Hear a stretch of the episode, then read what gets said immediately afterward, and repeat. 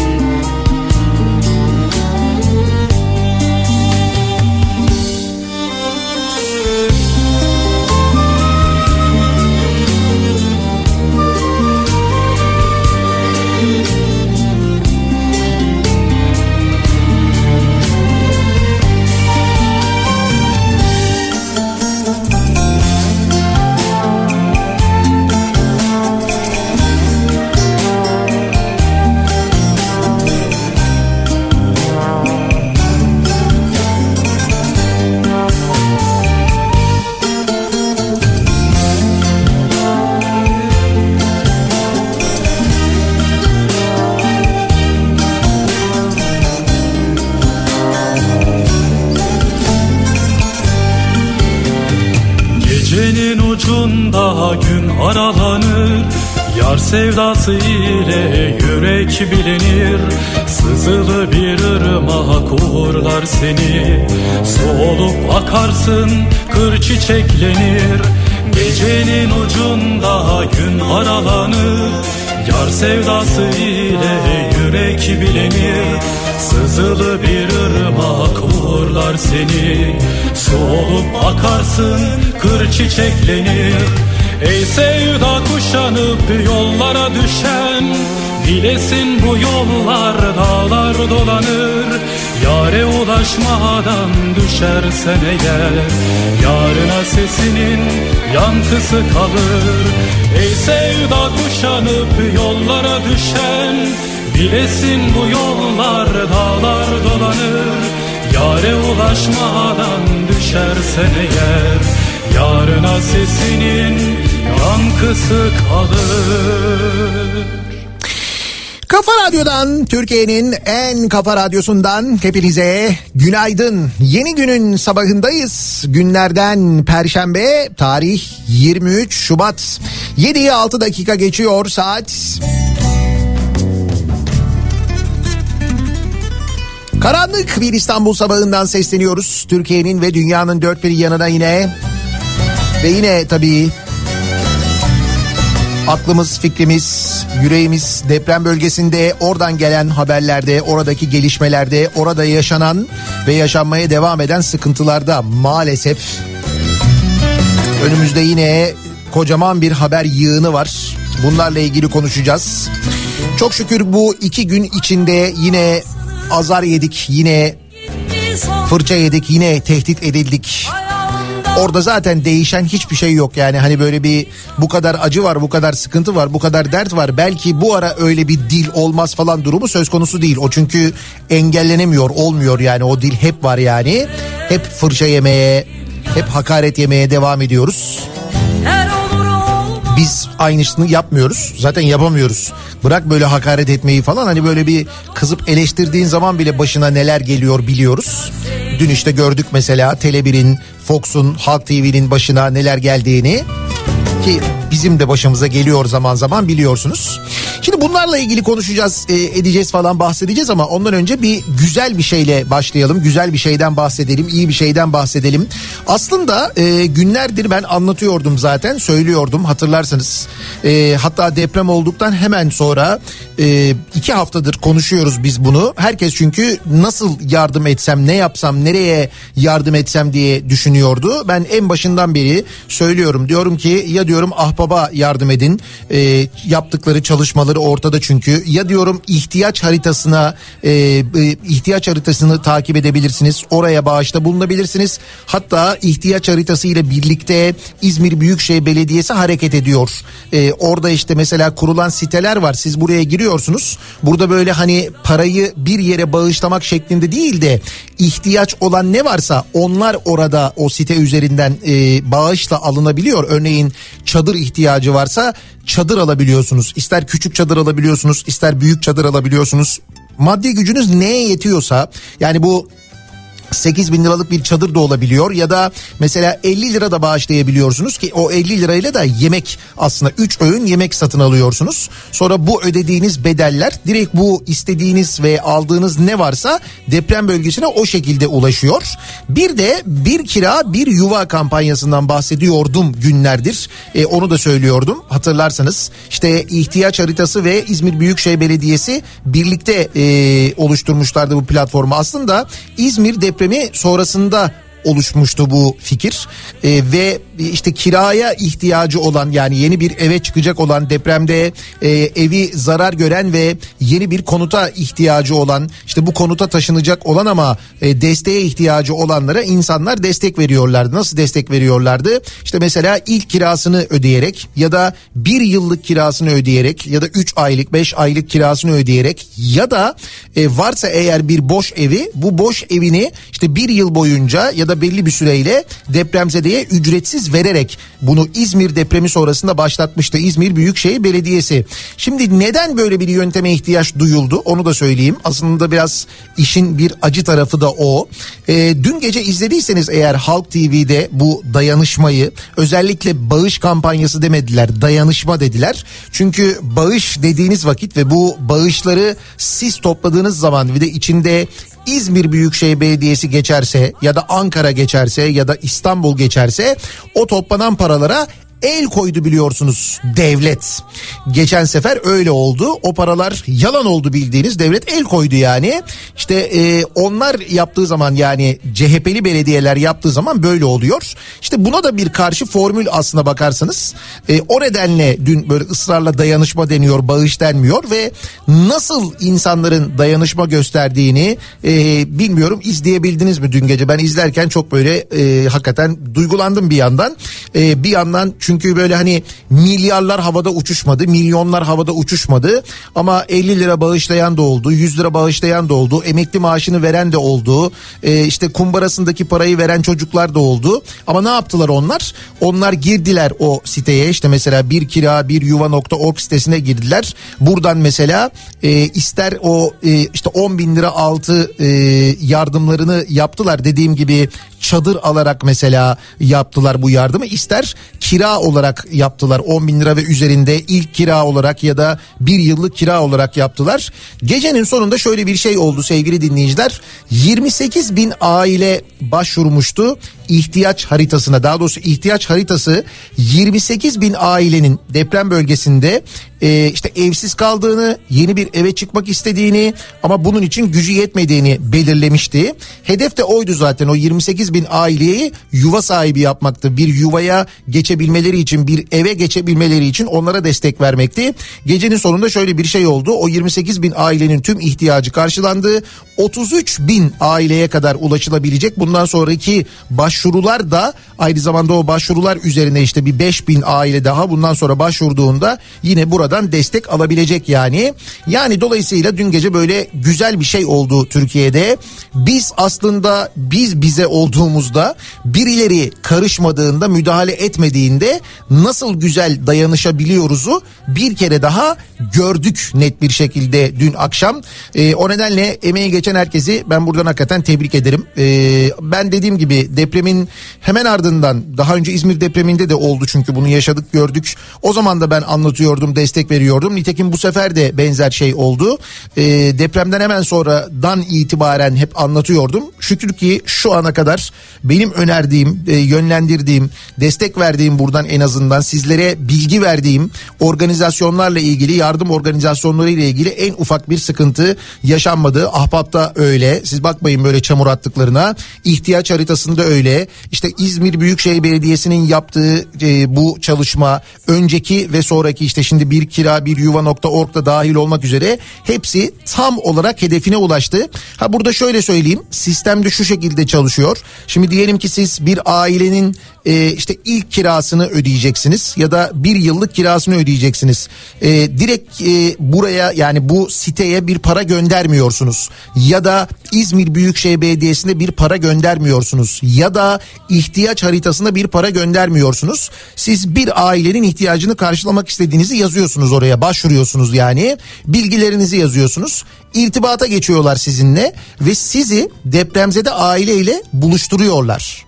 Yani onların bilgilerini size iletiyorlar. İsim, e, hesap numarası, eğer telefonla aramak isterseniz telefon bilgisi ve siz ister arayıp konuşarak isterseniz direkt hesap numarasına o parayı kendiniz gönderiyorsunuz. Yani depremzede ile bir araya getiriyorlar aslına bakarsanız sizi.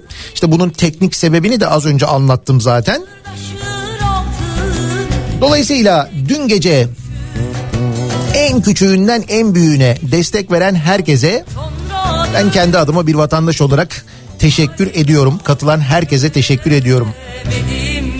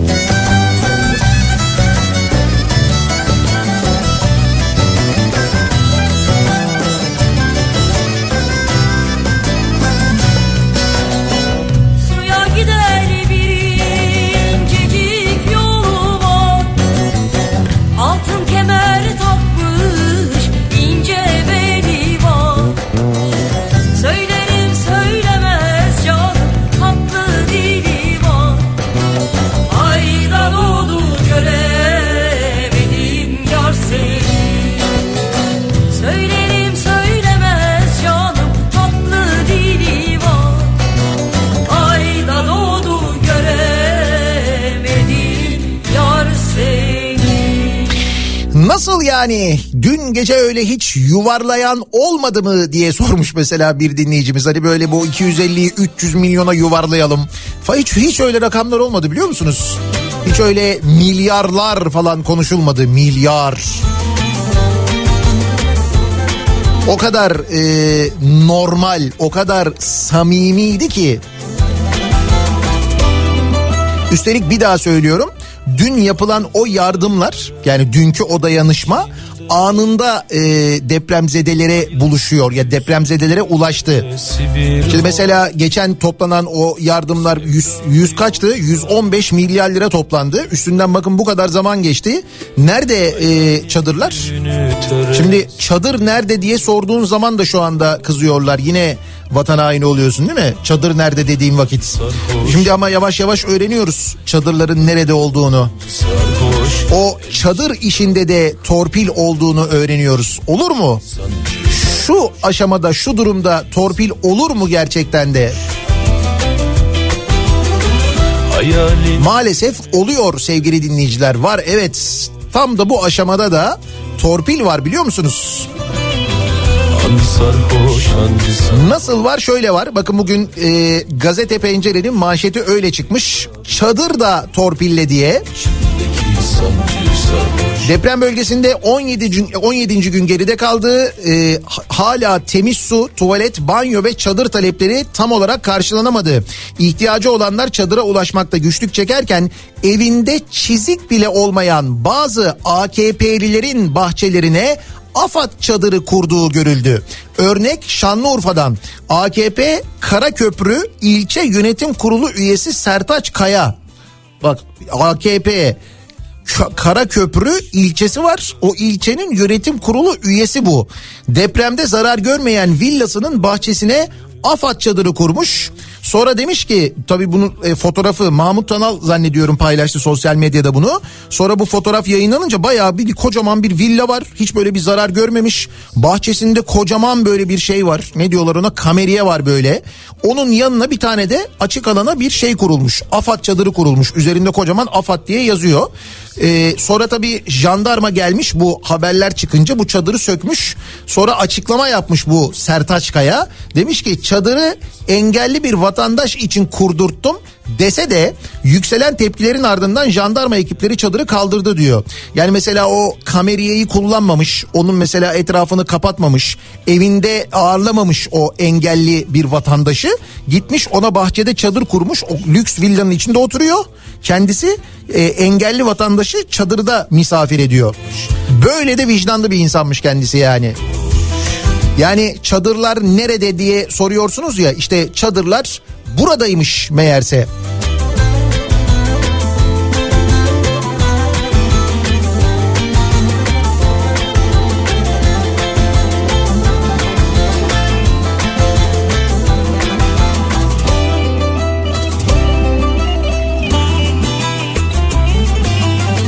Mahsuni yıldızım aylar içinde Bağlanmışım zülfü yaylar içinde. Yüzemez yunuslar çaylar içinde. Deniz vurgununun yaresi bir hoş bir hoş. Han sarhoş hancı sarhoş Yolda yabancı sarhoş. El çek tabip kalbimden İçimdeki sancı sarhoş İçimdeki sancı 7 19 dakika geçiyor saat. Bu tarafta sabah trafiği ne alemde? Bir de hemen ona bakalım. Şu anda köprülerdeki yoğunluk başlamış. İkinci köprü trafiği Ümraniye'ye dayanmış vaziyette. Buradan köprü girişine kadar yoğunluk var. Birinci köprü trafiği yine Uzunçayır'da e, burayla Altunizade arasının özellikle yoğun olduğunu görüyoruz. Tünel girişinde çok ciddi bir sıkıntı yok. Ancak E5'te Maltepe sonrası yoğunluk Maltepe ile Göztepe arasında epey bir etkili. Aksi yönde ise Kartal'ı geçtikten sonra başlayan trafik yine Tuzla'ya kadar yoğun. Tem'de de bu arada Ataşehir civarından başlıyor trafik. Kurtköy yönünde Sultanbeyli'yi geçene kadar bir yoğunluk var. Avrupa yakasında Bahçeşehir tarafında Isparta Kule Altınşehir arası olmuş. Altınşehir sonrası trafik hareketli. Köprü yönüne e, Maslak trafiği şu anda Gazi Osman Paşa'dan itibaren başlıyor. Tem üzerinde E5'e baktığımızda ise Avcılar girişi Florya Sapa arası özellikle yoğun. Sonra hareketleniyor trafik. İncilli'den sonra başlayan trafik ise Haliç'i çıkana kadar an itibariyle etkili sevgili dinleyiciler. vardım Zeynep'i görem diye Nasıl haberin almışsa Dayı emmi hep orada. Dediler ne ararsın? Kızı almak mı istersin? Sana bir çift sözümüz var Hele buysa niyetin. İşte hendek işte deve Ya atarsın ya düşersin Vaktin olmaz vazgeçersin. Zordur almak bizden kızı İşte Halep işte arşın. Ya aşarsın ya biçersin. Vaktin olmaz vazgeçersin. Zordur almak bizden kızı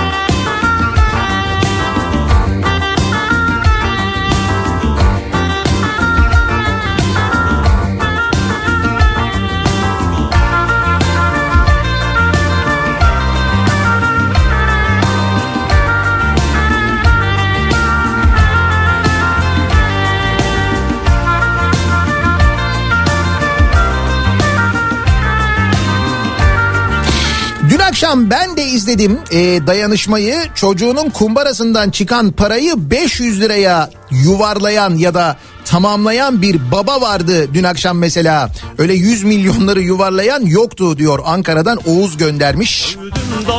Yok Çamoluk Otomotiv de yoktu dün akşam mesela.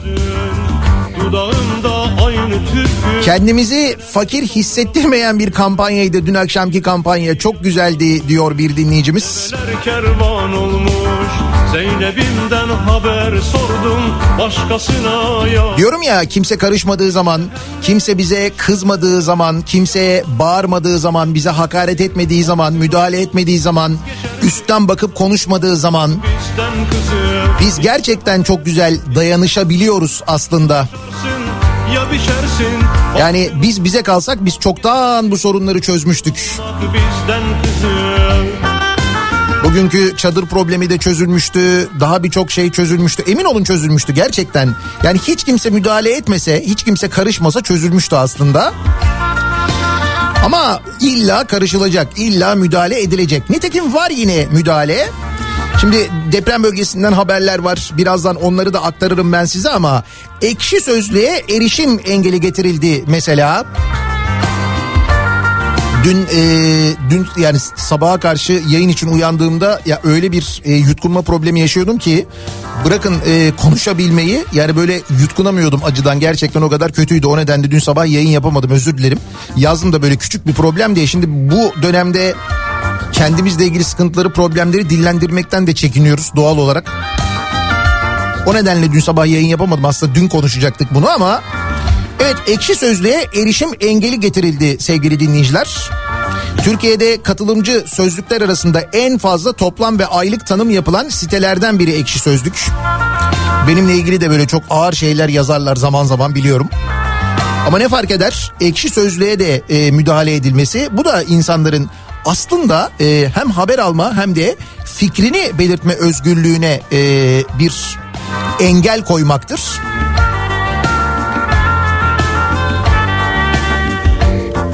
Ve ne kadar çok kullanıcısı, ne kadar çok takip edeni varmış ki ciddi de bir tepki var ekşi sözlüğe erişim engeli getirilmesine. Tabii oradan da haberiniz olmasın. Bu taraflardan zaten haberiniz olmasın. Öyle medyanın yüzde doksanı zaten kontrol altında. O medyanın yüzde doksanından zaten öğrenemiyorsunuz ne olup bittiğini. Onu zaten biliyoruz. Ee, kalan yüzde ondan öğrenmeye çalışıyorsunuz. İşte o kalan yüzde onun içinde mesela bu sözlükler de var. Şimdi onlar engelleniyor. E, televizyon kanalları deseniz işte Fox TV'ye gelen ceza var. Tele1'e gele- gelen ceza var. Halk TV'ye gelen ceza. Cezalar var zaten sürekli geliyor. Yani aslında amacın ne olduğunu, niyetin ne olduğunu 3 aşağı 5 yukarı anlıyorsunuzdur diye tahmin ediyorum. Böyle üzerine uzun uzun konuşmaya çok da gerek yok.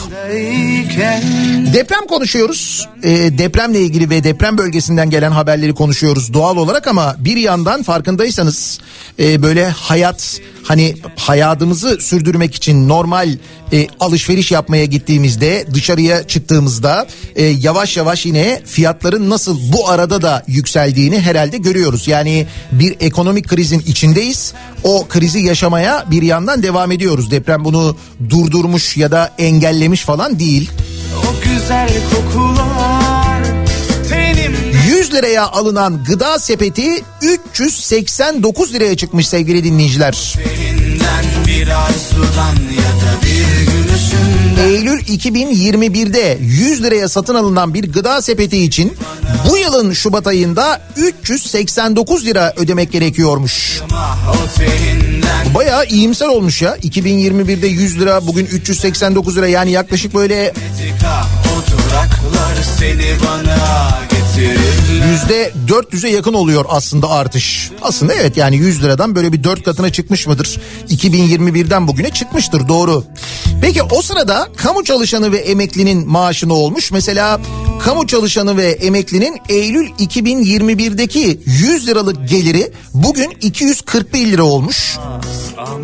Yani gıda sepeti 100 liradan 389 liraya çıkarken gelir 100 liradan 241 liraya çıkmış. Asgari ücretlininki 100 liradan 300 liraya çıkmış. İşçi ve bağımsız çalışan emeklininki ise 100 liradan 232 liraya çıkmış. Ah senin o tatlı hallerin Yine kopamadım ah o Nasıl e, fakirleştiğimizi böylelikle görüyoruz. Hoş biz fakirleşiyoruz ama e, çok şükür ki itibardan bir şey kaybetmedik. 2021'den bugüne değil mi? E, 2023'e şu noktaya geldiğimiz bu vakitte aradaki bu iki sene içinde en ufak bir itibar eksikliği yaşamadık ama değil mi? Yani ne bileyim ben binalar olsun, makam arabaları olsun, uçaklar olsun. Oralarda böyle bir itibarla ilgili bir sıkıntımız. Yine gidemedik bana. Ya da mesela gittiğimiz yerlerdeki karşılamalar falan olsun. o telinden bir arzudan ya da bir gülüşünden yine gidemedik. Şimdi izlediniz mi o görüntüyü bilmiyorum ama Ee, Osmaniye'yi ziyaret ediyor ee, Cumhurbaşkanı ve AKP Genel Başkanı Tayyip Erdoğan ve MHP Genel Başkanı Devlet Bahçeli önceki gün Osmaniye'ye gidiyorlar. Osmaniye'deki kurulan çadır kentte depremzede aileleri ziyaret ediyorlar. Ve orada bir görüntü var. Ee, Osmaniye Belediye Başkanı'na e, Cumhurbaşkanı diyor ki Kadir Bey tebrik ediyorum şehrin temizliği falan gayet güzel diyor. Temizliği. unuttum seni Ve e, tam da bu görüntünün öncesinde görüyoruz ki Osmaniye'de Cumhurbaşkanı'nın ve Devlet Bahçeli'nin geçeceği yola asfaltlama çalışması yapılıyor sevgili dinleyiciler. Evet evet deprem bölgesinde Osmaniye'de ziyaret edilecek olan gezilecek olan yerlere yeni asfalt dökmüşler. Ya yani gördüğünüz gibi itibarla ilgili en küçük bir sıkıntı, en ufak bir sıkıntı da yaşamıyoruz aynı zamanda. korkundan gelmedin Arayıp sormasan da Unuttum seni sanma sakın. Dünya bir yana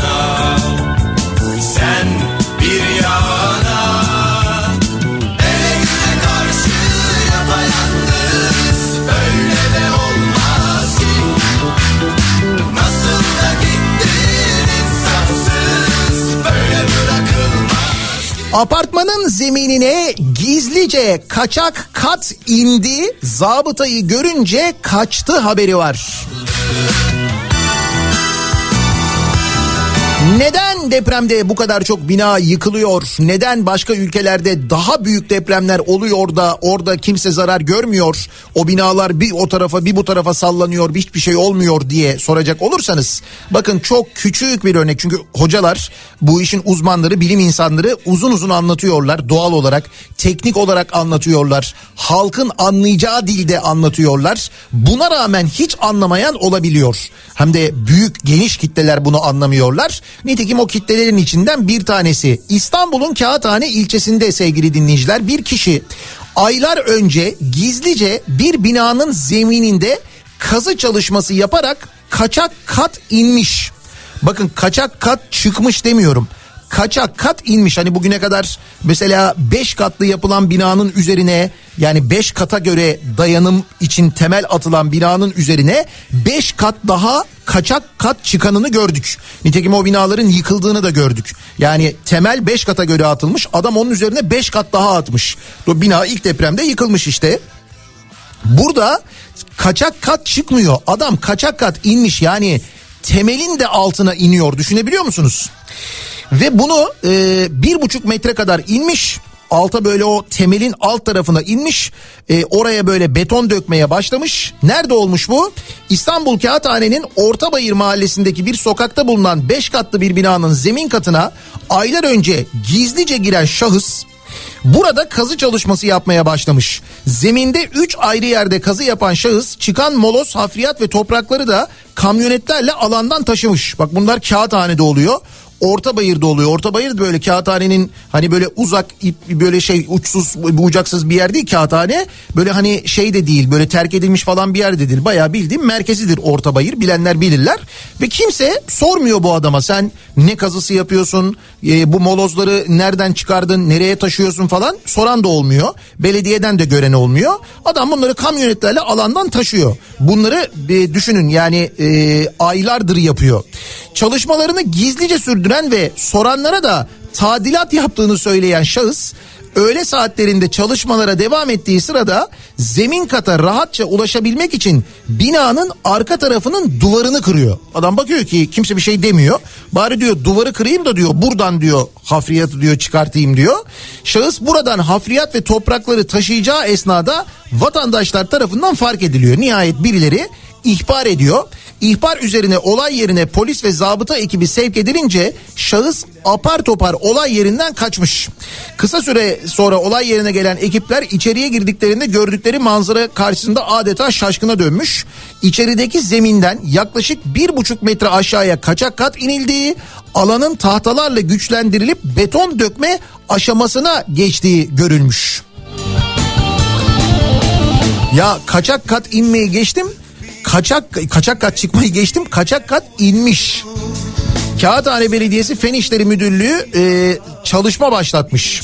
Zabıta çevrede önlem almış. Burası İstanbul'un göbeği sevgili dinleyiciler. İstanbul'un göbeğinde bunları yaşıyoruz biz. Sebep oldu şeytan bir cana kıydı. Şimdi İstanbul'dan bir başka noktaya götüreceğim ben sizi. Kağıthane'den biraz daha böyle deniz kenarına doğru inelim. Arnavutköy tarafına gidelim. Şimdi bakın Arnavutköy'de ne oluyor? Okullar biliyorsunuz. Birçok okul şimdi boşaltıldı başka okullarla birleştirildi. Denildi ki bu okullar yıkılacak yeniden yapılacak falan dendi ya. İşte depremde zarar görme ihtimali var bu okulların dendi. Bu büyük deprem sonrasında Kahramanmaraş depremleri sonrasında böyle bir karar alındı. Halbuki o çocuklar o okullara demek ki riskli okullarmış o okullar zaten bir dönem gittiler mesela. O dönemde bu deprem olsaydı ne olacaktı sorusunun yanıtını kimse vermiyor zaten. Onu duymuyorlar bile. Neyse bu yıkım kararı verilen okullardan bir tanesi Arnavutköy'de sevgili dinleyiciler. Korkmaz Yiğit Anadolu Lisesi ve bu bu okulun da yıkılıp yeniden yapılma, e, yapılmasına daha doğrusu yıkım kararı verilmiş. Şimdi yıkım kararı verilmiş. Çünkü hikaye şöyle gidiyor. Ee, İstanbul Valiliğinin kararıyla depreme dayanıklı olmadığı gerekçesiyle yıkılmasına karar verilen Korkmaz Yiğit Anadolu Lisesi'nin tekrar yapım masraflarını üstlenmek isteyen Korkmaz Yiğit'e izin verilmiyormuş. Ee, Arnavutköy mahallesinde Beşiktaş ilçesi Arnavutköy mahallesinde denize sıfır konumda Korkmaz Yiğit Anadolu Lisesi. T24'ten Hazar Dost'un haberine göre Korkmaz Yiğit Eğitim Vakfı tarafından restore ettirildiğinden beri 26 yıldır desteklenen e, Korkmaz Yiğit Lisesi, Anadolu Lisesi Milli Eğitim Bakanlığı'na bağlı proje okullardan biriymiş. Okula adı da verilen vakfın kurucu kurucusu iş insanı Korkmaz Yiğit ki 90'lı yılları hatırlayanlar Korkmaz Yiğit ismini hatırlayacaklardır. Yıkım için verilen kararın kendilerine bildirilmediğini ancak yine de yıkım ve yeniden yapımı üstlenmek istediğini yetkililere bildirmiş bir vakıf kurulmuş. O vakıf demiş ki yani biz demiş e, tamam yani bu haberimiz yok ama madem yıkılacak o zaman biz yeniden yapabiliriz. Yani bütün masraflarını biz karşılayalım demişler. E, Yiğit'in yıkım ya da güçlendirme devletimiz ne istiyorsa yapmaya hazırız. Yeniden inşa süreçlerinin hepsini üstlenmeye hazırım şeklindeki teklifi temasta olduğu Beşiktaş Kaymakamlığınca reddedilmiş. T24'ün edindiği bilgiye göre Korkmaz Yiğit'in yıkım ve inşa süreçlerine ilişkin bilgi almak için Beşiktaş Kaymakamı Önder Bakan'la iletişimde olduğu, kaymakamın yıkımın ve yeniden yapımın kamu kaynaklarıyla yapılacağını belirttiği ve bu saatten sonra orada okul da olmaz dediği öğrenildi. Nasıl yani yıkılacak sonra oraya okul yapılmayacak mı? Ne yapılacak peki? Şimdi denize e, nazır bir noktadan bahsediyoruz. Boğaz'dan bahsediyoruz. Doğal olarak hani insanın hakkına geliyor. Hani buradaki okulu depremde güçlü değil diye yıkıp buraya bir bina yaparlar mı mesela? Bir apartman yaparlar mı? Bir residence yaparlar mı diyorsunuz. Sonra diyorsunuz yuh artık o kadar da değil canım. Okulu yıkıp yerine boğaz kenarında diye olur mu öyle şey falan diyorsunuz. Fakat e, niyetin o olduğu şimdi burada anlaşılıyor.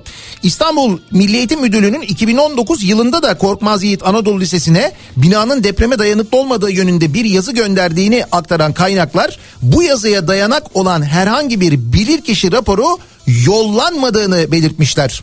Yıkımlara dayanak olan raporların neden açıklanmadığını soran bazı veliler hem yıkım kararı verilen okulların hem de geçici olarak eğitimin devam edeceği diğer okulların deprem raporlarının açıklanması talebinde bulunmuşlar. Bu arada bu talep için bu talepleri diğer okullar için de veliler yapıyorlar. Ancak e, o okullar içinde doğru düzgün bir cevap verilmiyor.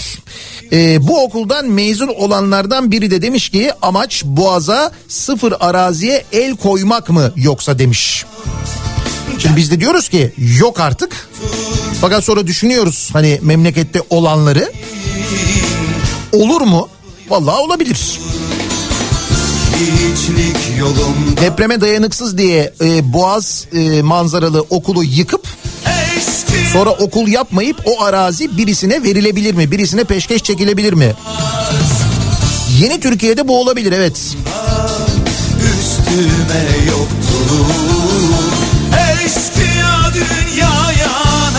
hükümdar olmaz diyor şarkı ve fakat 2020'deki Malatya Elazığ depremi sonrasında yapılan ve depremzedelere satılan TOKİ konutları sevgili dinleyiciler. İşte bu TOKİ konutları e, son yaşanan Kahramanmaraş depremi öncesinde 700 ila 900 bin lira aralığında satılırken deprem sonrası 3.6 milyon liraya satılmaya başlanmış.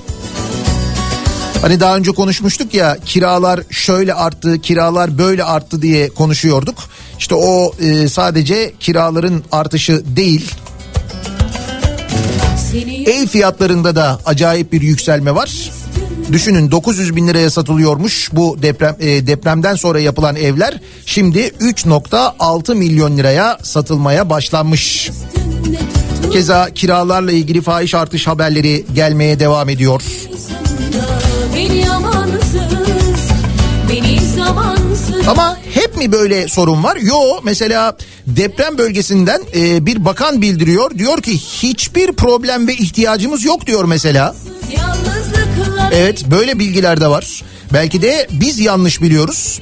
Geçmiş afetlerde yaşadığımız çokça örnek var. Hiçbir problem ve ihtiyacımız da yok. Gıda kolilerimiz, iaşe ihtiyaçlarımız geliyor. Arkasının gelmesi için planlamalar yapıyoruz. Devletimizin bütün kurumları koordinasyon ve birebir seferlik, seferberlik herhalde bu. Seferberlik halinde bu işi yönetiyoruz. İnşallah bugünler geride kalacak demiş. Ulaştırma Bakanı Kara İsmailoğlu söylüyor bunu. Hiçbir problem ve ihtiyacımız yok diyor. Zaten deprem sonrası e, hiçbir yol da yıkılmamıştı. Yollara da hiç zarar gelmemişti. O nedenle deprem bölgelerine hemen ulaşılabilmişti değil mi? Mesela Hatay Havalimanı'nın pisti falan da kırılmamıştı. Öyle şeyler de olmamıştı. Havaalanı ile ilgili bir şey söylemedi ama yollarla ilgili bunu söyledi. Dedi ki yaptığımız dedi mükemmel dedi yollar sayesinde hiç dedi problem olmadı biliyorsunuz dedi. Deprem bölgesine ulaşımla ilgili değil mi? Böyle dedi Ulaştırma Bakanı. Benden söyle neden Neden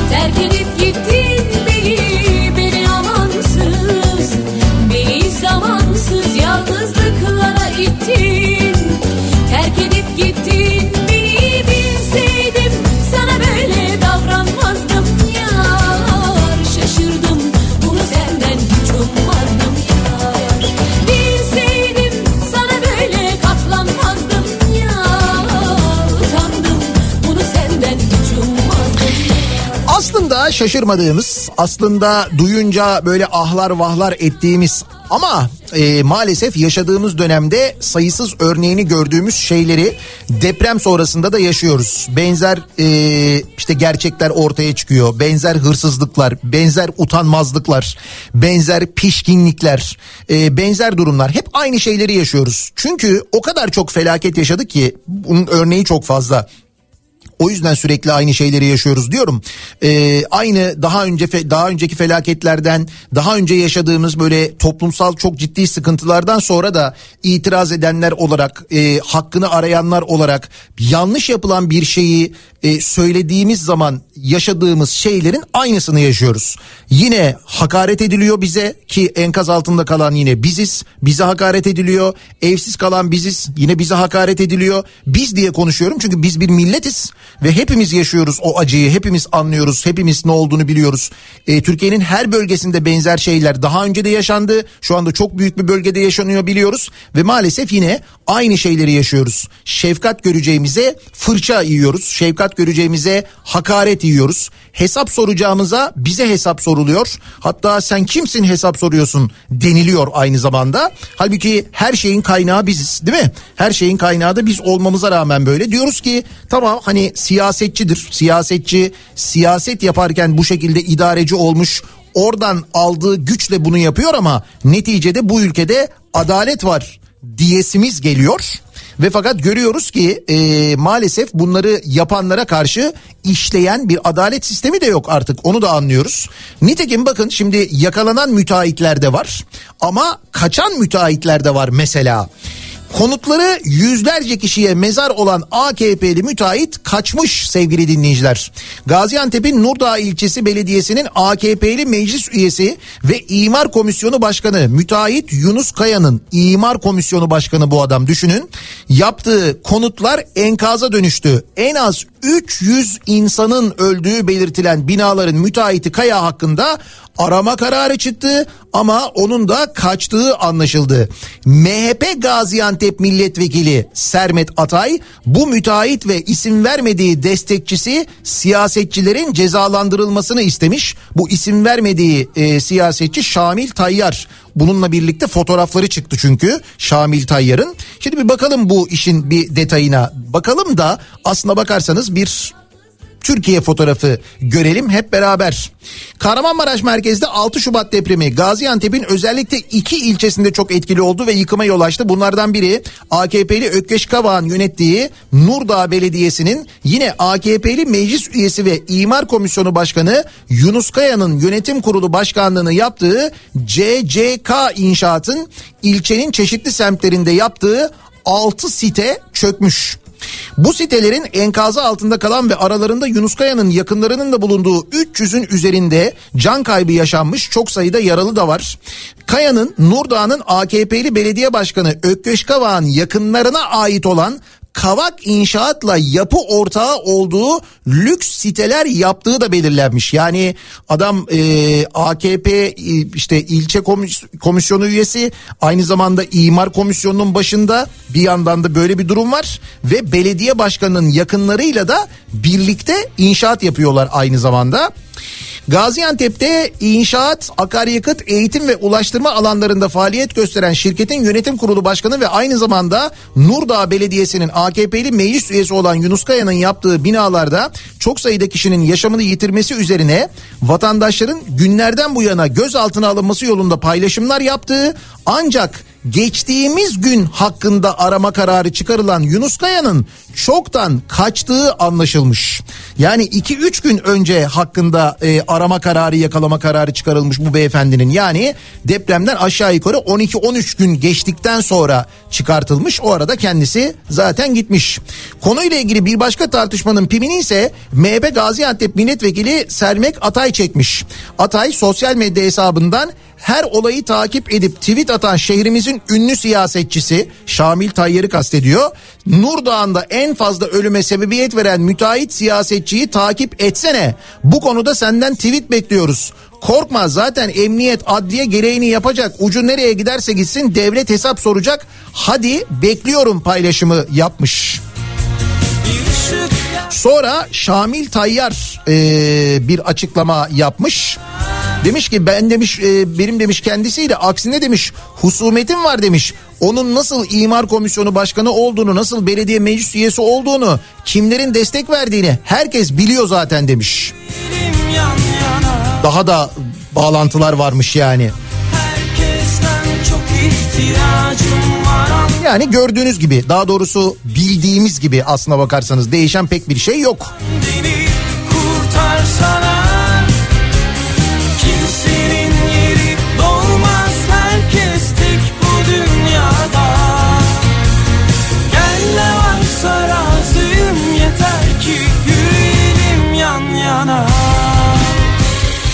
En son e, Hatay'da meydana gelen depremler sonrasında Hatay'daki hastaneler de boşaltılmıştı hatırlayacaksınız. Şimdi Adana'dan da bir haber geldi. Adana'daki Balcalı Hastanesi'nin kolonları yorgun çıkmış sevgili dinleyiciler. Hastalar çevre il ve ilçelere naklediliyormuş. Adana'daki Çukurova Üniversitesi Tıp Fakültesi Balcalı Hastanesi'nde ana binanın kolonlarında yorgunluk tespit edilmiş. Hastaların tahliyesine karar verilmiş. Şimdi Adana'nın en büyük hastanelerinden bir tanesi burası. Orası da şimdi e, tahliye ediliyormuş. Aynı zamanda böyle bir haber var böyle bir bilgi de var. Ve deprem bölgesinden gelen haberler gelen bilgiler hala deprem bölgesinde iletişimle ilgili sıkıntılar problemler yaşanıyor. Bugün o problemler başlangıçta olduğundan daha az ama o günleri hatırlayınız. Yani cep telefonunun çekmesinin ya da telefonunuza telefonunuzun bir internet e, internet bağlantısına e, sahip olmasının ne kadar önemli olduğunu hatırlayınız. İşte enkaz altında kalan insanların yakınlarına WhatsApp üzerinden mesaj gönderebildiklerini, internet üzerinden ulaşabildiklerini hatırlayınız. Twitter üzerinden iletişim sağlandığını, buna rağmen Twitter'ın yavaşlatıldığını hatta neredeyse erişimin engellendiğini de hatırlayınız. Hatta lütfen şunu da hatırlayınız. Depremin olmasının hemen ardından 5-6 saat içinde e, bu Elon Musk'ın sahibi olduğu uyduların e, ki bütün dünyanın üzerini kaplamış vaziyetteler artık neredeyse. Geçen gün uydu haritası da yayınlanmıştı. Ücretsiz internet bağlantısı hizmeti verilebileceğini e, ve bunun Türkiye devleti yetkilileri tarafından reddedildiğini sağ olun ihtiyacımız yok dendiğini de hatırlayınız. Bakın bunu da hatırlayınız. O saatlerde o günlerde internet bağlantısı ne kadar önemliydi ne kadar kıymetliydi.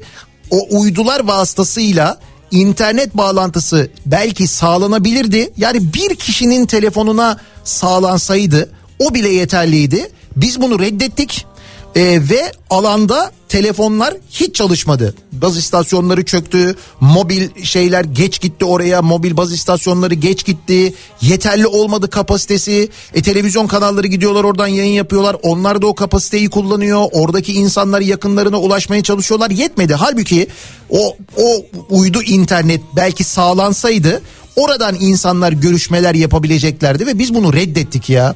Şimdi e, bu konuyla alakalı yani aslında bu üzerine konuşulması gereken e, ben şahsen o bölgedeki bir vatandaş olsam ve bir abone olsam kesinlikle dava açarım bununla ilgili. Yani be- ben bu kadar zamandır aboneyim, bu kadar para ödüyorum ama işte deprem zamanında bu hizmeti alamadım ve böyle mağdur oldum diye mağduriyeti de anlatarak dava açmalı insanlar diye düşünüyorum. Şimdi bu konuyla alakalı e, Habertürk yazarı Güntay Şimşek depremlerde etkisiz kalan telekom şirketlerini konu aldığı yazısında sektörü düzenleyen deprem gibi felaketler için planı programı olması gereken kamu otoriteleri bir açıklama yapamadı. Yani operatörler hani şöyle oldu böyle oldu diye anlattılar da bunu denetleyen birileri var değil mi? İşte mesela oradan bir açıklama yok. Çünkü çünkü buralarda görev yapanların çoğunun ikinci, üçüncü hatta dördüncü görevi var. Bir yere odaklanmıyorlar ya da menfaatlerine uygun olan şirkette aksiyon almayı tercih ediyorlar. Liyakatsizlik ve telekom sektörünü bilmemek de ayrı bir sorun. Asıl mesele bu kurumların ve şirketlerin yönetimindeki nüfuzlu kişiler görüşünü dile getirmiş. Yani bakın yine nereye geliyoruz? Yine liyakate geliyoruz. Yine işi bilmeye geliyoruz. İşini bilmeyen insanların sırf onun dayısı, halası, amcası, yengesi, bilmem nesi, oğlu falan filan diye o koltuklara oturulanların o işten hiç anlamaması meselesine geliyoruz. Aynı şey evet bu iletişim sektöründe de var. Aynısı var işte yani. Çok böyle uzun uzun anlatıyor e, Güntay Şimşek yazısında. Habertürk'ün internet sitesinde bulunuz. E, Güntay Şimşek'in yazısını ve okuyunuz. Şimdi çok uzun bir yazı ben okumayayım ama orada çok böyle uzun detaylar da var aynı zamanda. Neden bu e, her depremde hep aynı şeyi yaşıyoruz? Neden bunun önlemi alınmıyor? Neden iletişim tamamen kesiliyor? Bunu engelleyecek olan, bunu denetleyecek olanlar kimler? Hepsini anlatmış işte. Bir görün bakın. Gel ne varsa razıyım yeter ki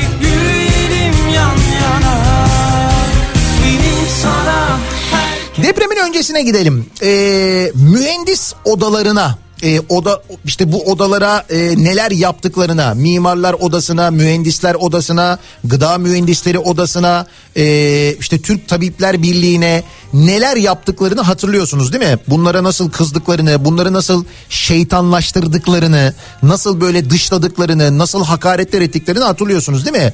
Bugün peki hangi noktadayız? Bugün o odalardaki bilim insanlarının o odalarda bu işi bilen insanların söylediklerinin birebir yaşandığını görüyoruz değil mi? Demek ki doğru söylüyorlarmış o insanlar. Demek ki öyle vatan haini falan değillermiş. Onlar zamanında dinlenseymiş, ciddiye alınsalarmış, böyle tukaka yapılmasaymış Belki bugün bu kadar acı yaşamayacakmışız. Şu anda onu görüyoruz değil mi? İşte o odalardan bir tanesi Gıda Mühendisleri Odası sevgili dinleyiciler. Deprem bölgesinde incelemelerde bulunmuş ve bunun ardından bir rapor hazırlamış. Ee, alanda ve yardım dağıtım alanlarında son tüketim tarihi geçmiş ürünlerle karşılaşılmıştır demiş. Peki bu son tüketim tarihi geçmiş ürünleri kim dağıtmış biliyor musunuz? Türk Kızılay'ı dağıtmış. Hani geçen gün programda bir dinleyicimiz soruyordu. E, bu şeyler vardı işte kurban bağışları alınıyordu sonra kıymalar hazırlanıyordu. Nerede o Türk Kızılay'ının o kıymaları falan diyordunuz ya. İşte onları dağıtmışlar fakat konserveler var. Konservelerin üzerinde yazıyor. Son tüketim tarihi geçmiş ürünleri dağıtıyorlar. Ve evet Kızılay dağıtıyor son tüketim tarihi geçmiş ürünleri. Baya böyle sağda e, görüntülenmiş fotoğrafları da var aynı zamanda. Verseler dünyayı Gıda Mühendisleri Odası 6 Şubat 2023 Kahramanmaraş Merkezi Depremler Ön Gözlem raporunu yayınlamış. Bir gün gazetesinde yer alan habere göre raporun depremde zarar gören tüm illerde yapılan taramaların ardından hazırlandığına vurgu yapılarak yapılan saha tespitlerinde temelde koordinasyonsuzluk olması sebebiyle beslenme, su ve sağlık risklerinin oluştuğu gözlemlenmiştir denilmiş. Kamu otoritesi tarafından merkezi bir koordinasyon sağlanamamasının bütün sorunların kaynağını oluşturduğuna vurgu yapan raporda şu tespitler sıralanmış. Soğuk zincirle taşınması ve depolanması gereken ürünlerin bazı noktalarda havanın soğuk olması olumsuz riskleri görece azaltmış olsa da deprem alanlarında açıkta ve soğuk zincir kuralları takip edilmeden bulunduğu gözlenmiştir. Bazı noktalarda sıcak yemek üretimleri başladıktan sonra alana ulaşan konserve ve benzeri dayanıklı gıdalara ihtiyaç kalmadığı için bu ürünler atıl durumda kalmıştır. Alanda ve yardım dağıtım alanlarında e, son tüketim tarihi geçmiş ürünlerle karşılaşılmıştır. Bu zaten bağışıklık ve sinir sistemleri zayıflamış olan depremzedeye ve yakınlarının gıda zehirlenmesi ve gıda kaynaklı risklerle karşılaşmasına sebebiyet verebilecek bir durumdur. Raporun sonuç kısmında ise gerek odamızın gerekse Mimarlar Mühendisler Odaları Birliği'nin ilgili diğer odalarının yazılı ve sözlü işbirliği talepleri yetkili makamlarca karşılıksız bırakılmış ya da çalışma yapmasına kısıtlı olarak imkan verilmiştir denilmiş. Yine hala tukaka muamelesi yapılmaya devam ediyor bu sivil toplum kuruluşlarına. Ee, sıcak dağıtımı sıcak yemek dağıtımı bazı noktalarda ancak depremin dördüncü gününden sonra başlamıştır. İçilebilir nitelikteki sular depremin üçüncü gününden sonra alana ulaştırılabilmiştir. Öncelikli grupta yer alan depremzedelerin yani bebek, hamile, yaşlı, kronik hastalığı olanların beslenme ihtiyaçları 6. günden sonra kısmen karşılanabilmiştir. Gönüllü ve arama kurtarma ekiplerinin beslenme sorunları 6. günden sonra çözülebilmiştir. Gönüllü ve arama kurtarma ekiplerinin temizlik ve barınma problemleri hala çözülememiştir. Gıda depolama alanları belirlenememiş, uygun depolama koşulları sağlanamamıştır. Temel gıda maddelerinin AFAD ve Kızılay tarafından organize istifi ve dağıtım çalışmaları çok geç başlatılmıştır. Bu sebeple koordinasyonu kendi sağlayan sivil mekanizmalar tarafından hala destek çalışmaları yürütülmektedir. Dağlık bölgelere dördüncü günden itibaren sadece sivil inisiyatifler vasıtasıyla yardım ulaştırıldığı görülmüştür diye böyle uzun bir liste tespitler devam ediyor sevgili dinleyiciler. Ama ne diyordu? Ee, az önce Ulaştırma Bakanı hiçbir eksiğimiz yok diyordu bölgede değil mi? Öyle diyordu yani.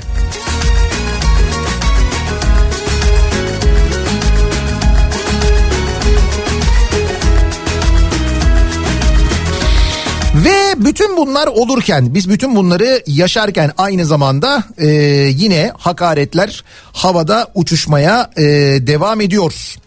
E, bu geçtiğimiz iki gün içinde mesela bir grup toplantısı yaptı Devlet Bahçeli. Orada Kahramanmaraş depreminde özellikle çocuklarımızın, bebeklerimizin kurtuluşu manevi bir mesaj, metafizik bir sembol değil midir dedi.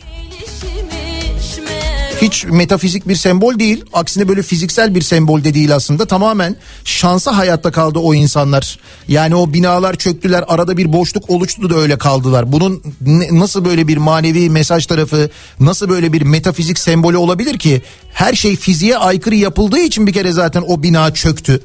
Zaten zaten böyle bir şey var yani. Bunun yanında e, yine e, Osmaniye'de incelemelerde bulundular biliyorsunuz. E, Cumhurbaşkanı Erdoğan ve Devlet Bahçeli. Şimdi az önce anlattım size Osmaniye Belediyesi geçecekleri yolları asfaltladı. Sonra aferin aldı e, belediye başkanı aynı zamanda. İşte orada e, Kızılay nerede sözlerine Kılıçdaroğlu'nun Kızılay nerede sözlerine be ahlaksız, be namussuz, be adi ee, Kızılay iki buçuk milyon insana her gün sıcak yemek dağıtıyor diye yanıt verdi. Ee, de, yani yanıt verdi derken bu yanıt değil aslına bakarsanız. Ee, Erdoğan böyle dedi. Be ahlaksız, be namussuz, be adi dedi. Ee, sonra e, Devlet Bahçeli'nin e, daha doğrusu e, Kılıçdaroğlu MHP Genel Başkanı Devlet Bahçeli'nin depremden menfaat devşirmenin arayışında olanlar ahlaksızlığın markalarıdır. Bunları tek tek not aldığımızda bilinmelidir şeklindeki açıklamasına tepki göstermiş Kılıçdaroğlu. Yani yine not al- alınmaya devam ediyor. Geçen gün konuşmuştuk ya. Herkes bir not alıyor. Herkesin bir defteri var. Sürekli böyle bir yazıyorlar bu deftere. Bilmiyorlar ki biz de aslında not alıyoruz. Biz de yazıyoruz. Unutuyoruz bunları zannediyorlar da unutmuyoruz. Hele böyle acılı dönemlerde böyle şeyler yaşandığında üstüne bu e, insanlar bir de böyle fırça yediğinde hakaret işittiklerinde daha da çok unutmuyorlar aslında. Ee, işte ona yanıt vermiş e, Kılıçdaroğlu da Twitter hesabından. Halka defter tutuyoruz, not ediyoruz diye tehdit savuran beceriksizler. Şov yapmayı bırakın. Geçen iki haftada depremzedelere çadır, konteyner, mobil duş, tuvalet götüremediniz. İnsanlar soğuk yüzünden az hasarlı evlerine dönmek zorunda kaldılar. Yardımları halka ulaştırın ifadelerini kullanmış. Ee, sonra grup toplantısında Devlet Bahçeli Türkiye devasa bir musibetin tesirindedir demiş. Türkiye devasa bir musibetin tesirindeymiş. Detay vermemiş. O dolayısıyla böyle çok yoruma açık aslına bakarsanız bu cümle bir yandan ama yani programın başında söylediğim şey aynı şey aslına bakarsanız. Ve maalesef bıktığımız şeyler bunlar. Yani bu azarlanmaktan siz de bıkmadınız mı Allah aşkına? verseler Ya da bıktığımız başka neler var acaba?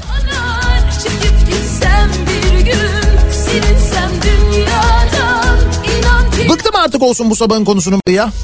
Nelerden bıktığımızı konuşalım mı? Mesela ben azarlanmaktan bıktım artık. Kendi adıma söyleyeyim en başta yani. Sosyal medya üzerinden yazıp gönderebilirsiniz mesajlarınızı. Twitter'da böyle bir konu başlığımız, bir tabelamız, bir hashtagimiz var. Bıktım artık başlığıyla yazabilirsiniz sevgili dinleyiciler. Arzu ederseniz WhatsApp hattımız var 0532 172 52 32 0532 172 kafa. Yine buradan da yazabilirsiniz mesajlarınızı.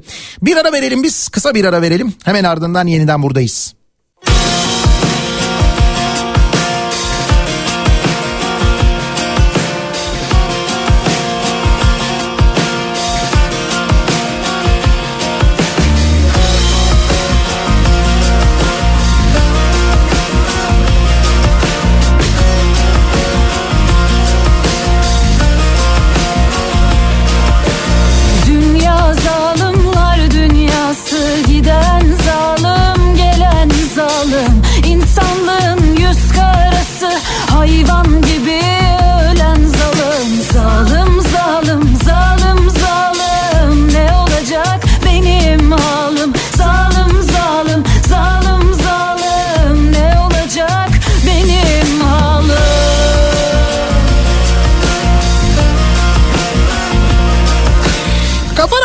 Radyo'da Türkiye'nin en kafa radyosunda devam ediyor.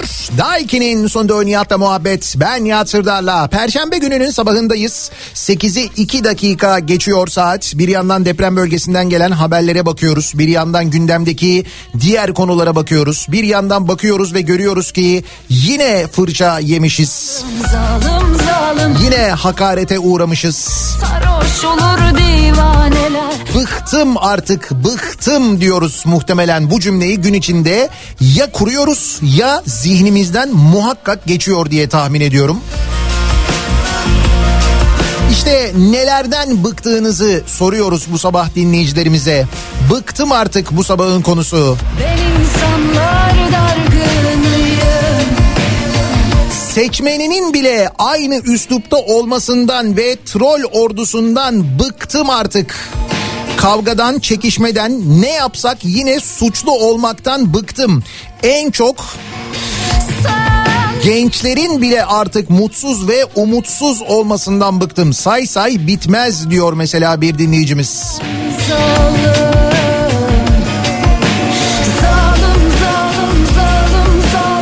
Hayvanların canının hiçe sayılmasından bıktım diyen var. Zalim zalim Ben artık kendimden bıktım diyor bir dinleyicimiz. Bu kadar çok şeyden rahatsızlık duyuyorsam demek ki bende bir sorun var herhalde. Artık böyle düşünüyorum diyen var.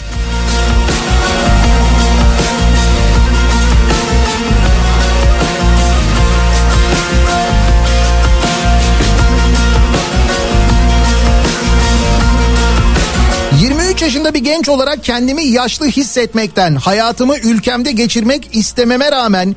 ...ülkemde her şeyin kötüye gitmesinden... ...korkudan, baskıdan, sindirilmekten... ...bıktım artık diyor bir genç dinleyicimiz.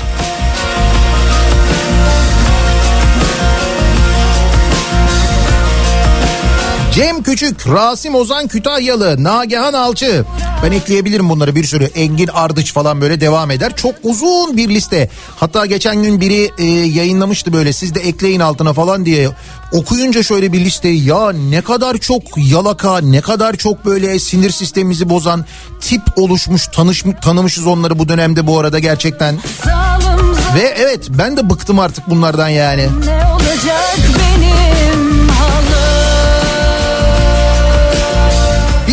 her şeyin hesabını yaparken yarı aç yarı tok yaşarken doyuramamış olmaktan hem yoruldum hem de bıktım artık diyor bir dinleyicimiz. Zalim zalim zalim Doyuramıyor muyuz gerçekten de? O yönde bir şikayet yok aslında hani. zalim zalim Bence doyuruyoruz. Çünkü o konuda hakkımızı teslim edelim. İyi kaynağız yani.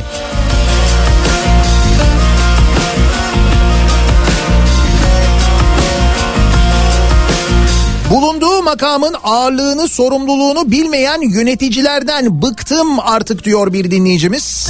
başa yersizliği bilmem neden hırsızlığı Nihat abi ben Pamir 10 yaşındayım. Bu ülkenin adaletsizliğinden bıktım artık diyor. Zalim 10 yaşında çocuk 10. sarhoş olur divaneler zalim zalim zalim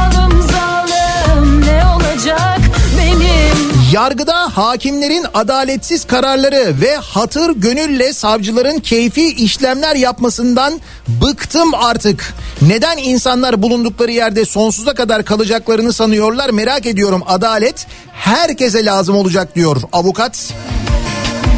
Mehmet göndermiş bu mesajı. yorgunuyum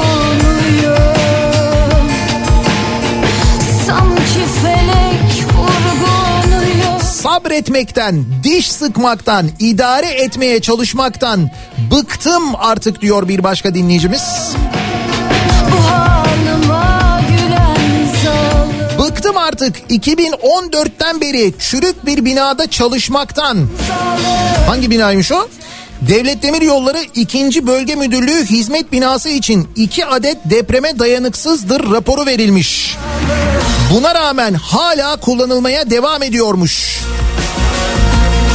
E size geçen gün Cerrahpaşa'nın durumunu anlattım. Anlatmadım mı?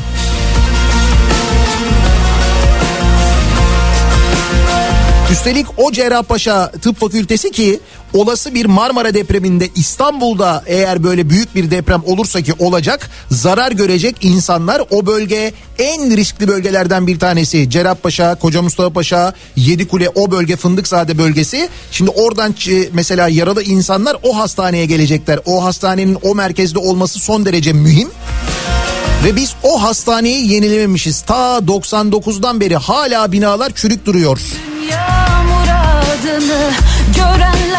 Bu arada sadece durum Cerrahpaşa'da böyle değil. Bak Çapa ile ilgili önümde benim bir rapor var. İstanbul Üniversitesi Çapa yerleşkesi hızlı durum tespit çalışması diye bir çalışma. Zalim zalim İstanbul Üniversitesi Mühendislik Fakültesi İnşaat Mühendisliği bölümünden hocalar hazırlamışlar bunları. Hocaların isimleri de yazıyor burada. Ve Çapa yerleşkesinin durumunu bir anlatıyor ki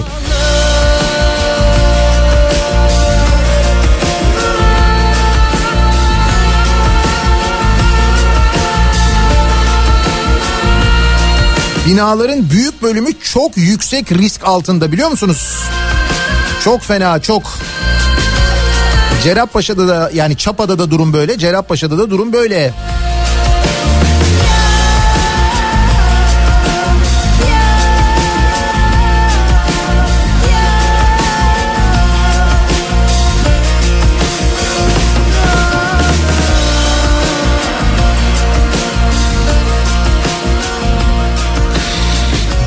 Vicdansızlıktan bıktım artık diyor mesela ee, bir dinleyicimiz. İşte bugünlerde o vicdansızlığı türlü türlü görüyoruz önümüze geliyor. Ee, kiralara depremzedeler çok talep gösteriyor diye zam yapan ev sahibi vicdansızlığı mı istersiniz? Bu kadar acının ortasında insanları hor gören, onlara kızan, bağıran idareci vicdansızlığı mı istersiniz ki aslına bakarsanız her konuda durum böyle. Mesela Şu işte medyada yazan, kendine gazeteci diyen, gazetecilikte uzaktan yakından ilgisi olmayan tiplerin vicdansızlığı mı dersiniz? Gelsin jandarma Polis karakoldan Her doğa olayında ya da felaketten sonra ders alıyoruz deyip ders almayan bir toplum olmaktan bıktım artık diyor. İzmir'den Ömer göndermiş.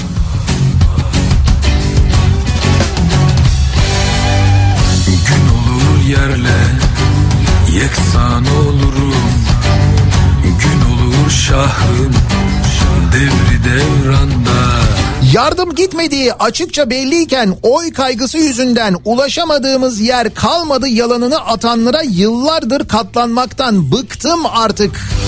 Eyvah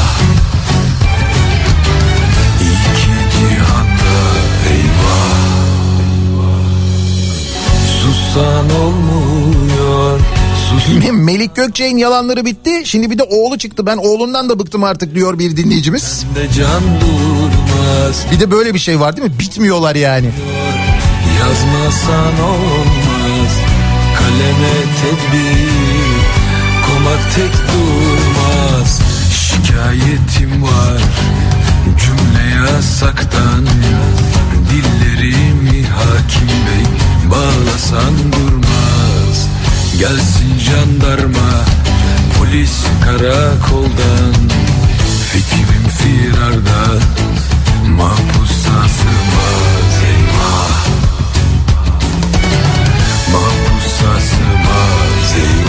Bir dinleyicimiz inşaattan bıktım demiş de bu kadar fazla inşaatın yapıldığı, en çok inşaat yapılmaktan böyle bahsedildiği, gurur duyulduğu, inşaat bizim işimiz denilen bir ülkede depremlerde bu yıkımların yaşanması size de garip gelmiyor mu? Ee, peki biz yıllardır burada şunu konuşmuyor muyuz? Mesela Marmara depreminden falan bahsediliyor. İşte Marmara depremi aynı büyüklükte bir deprem olacak deniyor. O büyüklükte bir de- deprem Marmara'yı yıkar, İstanbul'u yıkar, Türkiye ekonomisini yıkar deniyor. Ama Türkiye ekonomisi ısrarla ve inatla İstanbul'a Marmara bölgesine toplanmaya devam ediyor. Mesela bu size garip gelmiyor mu?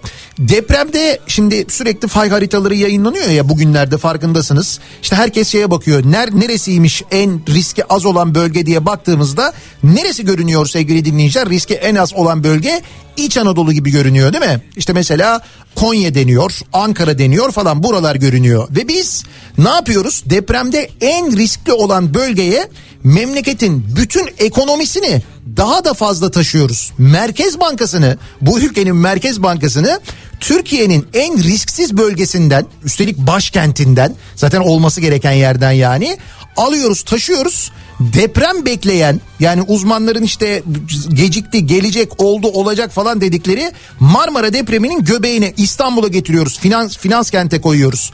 Kamu bankalarını getiriyoruz. Ziraat Bankası'nın genel müdürlüğünü, Vakıf Bank'ın genel müdürlüğünü, Halk Bank'ın genel müdürlüğünü bunların hepsini taşıyoruz, getiriyoruz. Hepsini bir yere koyuyoruz bir de finans merkezine koyuyoruz. Aferin bize diyor muyuz? Mesela hiç kimsenin aklına bu gelmiş midir acaba? Bu kararları veren hadi biz bunları toplayalım götürelim İstanbul Finans Merkezi diye bir yer yapalım. Buradan buradan da büyük inşaat çıkar. Orada da iyi olur o inşaatın yapılması falan diyen mesela bunları konuşanların hiç aklının ucundan geçmiş midir acaba? Marmara depremi sonrasında İstanbul'da yaşanacak kaos, İstanbul'da günlerce hiçbir kurumun çalışamayacak olması, keza buna Merkez Bankası da dahil olacak o zaman. Hiç bunlar düşünülmemiştir değil mi? Akıllarına gelmiş midir sizce? Şimdi biz bir yandan böyle daha da kalabalıklaştırmayı düşünürken, nüfusu daha da arttırmayı düşünürken, her şeyi buraya toplarken ki uzmanlar diyorlar Marmara bölgesinde çok büyük sanayileşme var. Bak sanayi tesislerini söylüyorlar, Kocaeli'ni söylüyorlar. işte diğer şehirlerdeki onları diyorlar mesela riski az olan bölgelere, sanayi bölgeleri oluşturup oralara taşımak lazım. Mesela diyorlar İç Anadolu'ya taşımak lazım. Bilim insanları o tarafa gidin diyor. Bunlar bu tarafa doğru geliyorlar.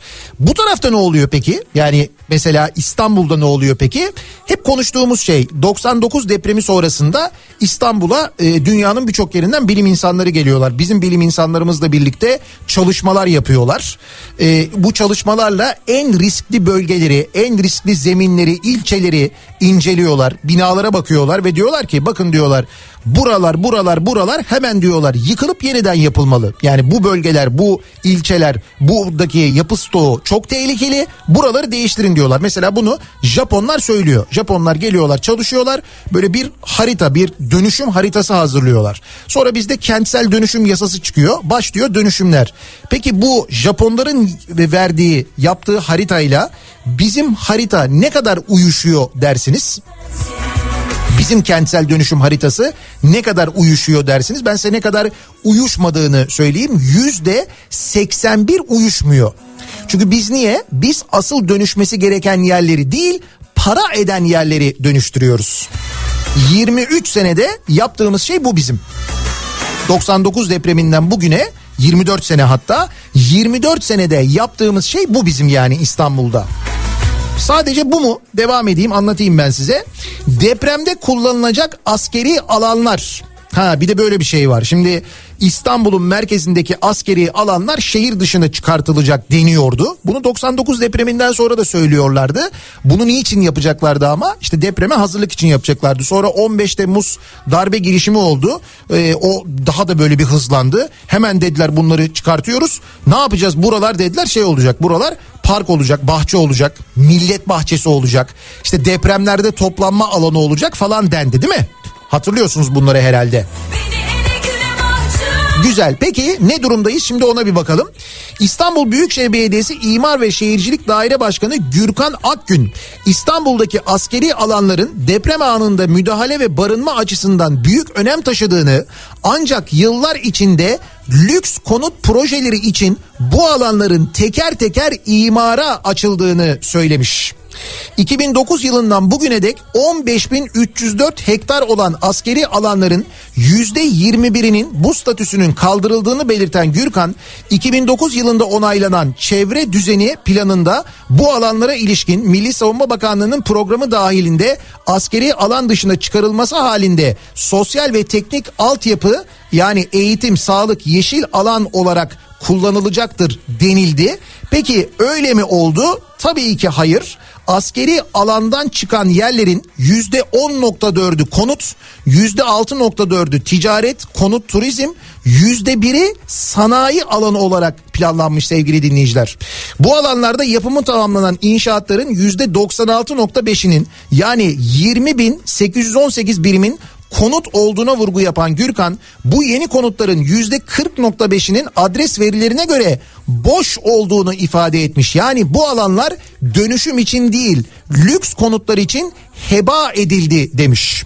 Yani hani siz askeri alanı şunun için kullanabilirsiniz. Dersiniz ki biz mesela işte atıyorum ben Zeytinburnu'ndaki riskli olan binaları yıktık ama bu binaların yerine risksiz olan bir zeminde işte şu askeri alanda şurada binalar yaptık insanları da buraya yerleştirdik. Hayır böyle yapılmamış.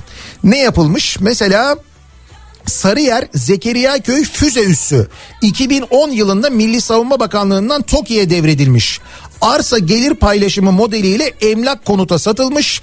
2012'de bakanlık planlarını yapmış. Sonra ne olmuş orası? Villa olmuş.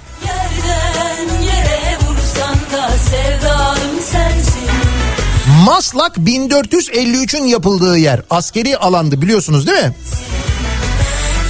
Zeytinburnu Tank Fabrikası, Çekmeköy Kışlası, Beşiktaş Dikim Evi ve niceleri son 3,5 yıldır bakanlık tarafından yapılan bu planları yargıya taşıyor ve kamu kaynaklarını arazilerini korumak için mücadele ediyoruz. Bunları söyleyen İstanbul Büyükşehir Belediyesi'nden e, İmar ve Şehircilik Daire Başkanı Gürkan Akgün anlatıyor bunları. 3,5 yıldır bununla uğraştık. Ondan önce çünkü İstanbul Büyükşehir Belediyesi'nden bir itiraz olmuyordu e, biliyorsunuz. Biz bunları diyor 3,5 e, yıldır bakanlık tarafından yapılan bu planları yargıya taşıyor ve kamu kaynaklarını arazilerini korumak için mücadele veriyoruz. Depreme hazırlıklı bir İstanbul için askeri alanların ve diğer kamu arazilerinin afet odaklı bütüncül olarak planlanması ve ona uyulması şarttır demiş. İşte İstanbul'da depreme böyle hazırlanmış yıllar içinde sevgili dinleyiciler.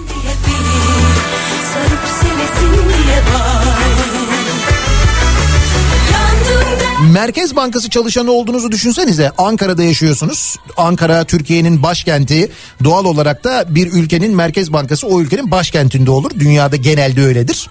Ee, biz ne yapıyoruz? O Merkez Bankası'nı e, taşıyoruz İstanbul'a. Şimdi bir Merkez Bankası çalışanı olduğunuzu düşünün. Ankara'da yaşıyorsunuz. Yıllardır orada e, çalışıyorsunuz. Çocuklarınız orada eğitim alıyor. Orada bir arkadaş çevreniz, aileniz falan var. Ve bir gün size diyorlar ki sizin diyorlar e, bankayı Merkez Bankası'nı İstanbul'a taşıyoruz.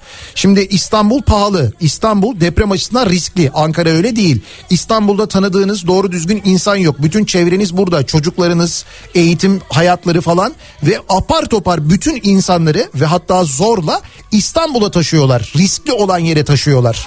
Şimdi o Merkez Bankası çalışanının yerine koyun kendinizi sevgili dinleyiciler. Bir de öyle düşünün bunu olur mu? Halim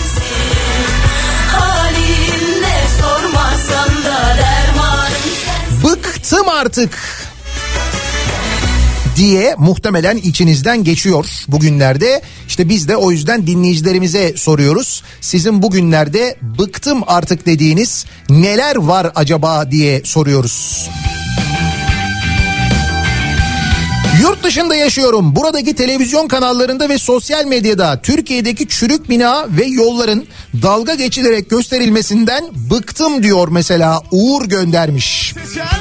Bizim en son e, imar barışı, imar affıyla dalga geçiyordu Hollanda'da bir televizyoncu. Böyle şey olur mu diye. Çünkü onlara çok mantıksız geliyor bu. Yani yasa dışı ve eksik bir şey yapılmış. Yani eksik bir şey yapılmış yani orada. E, o yüzden mesela e, işte imar verilmemiş, iskan verilmemiş, ruhsat verilmemiş. Çünkü herif eksik yapmış onu yapan. Sonra devlet diyor ki sen diyor bana şu kadar para ver. Ben o eksikliği görmezden geleyim sana vereyim diyor ruhsatını diyor. Biz, ve bunun reklamını yapıyor. Reklamında böyle Hasan Kaçan oynatıyor falan. Ondan sonra gidiyorlar parayı veriyorlar. O eksik bina, o çürük bina onaylanıyor. Devlet diyor ki ama diyor çökerse diyor ben diyor sorumluluk kabul etmem diyor. Bizimki ona da tamam diyor. Önemli değil ki onun için. Çünkü öyle yapınca imarı alınca, ruhsatı alınca fiyatı artacak öyle satacak. Nitekim o alıyor ondan sonra satıyor. Sonra ne oluyor? Depremde yıkılıyor insanlar ölüyor. Ne oldu? İmar barışı oldu. Ve doğal olarak yabancılar bu sistemi anlamayanlar dalga geçiyorlar bununla yurt dışında. Kimi tatlı buğday tenli, kimi mahmur dudu dilli, kimi esmer nokta belli. Sanki memleketi troller kurdu, kurtardı. Biz hazıra geldik gibi davranmalarından bıktım, usandım artık diyor bir dinleyicimiz.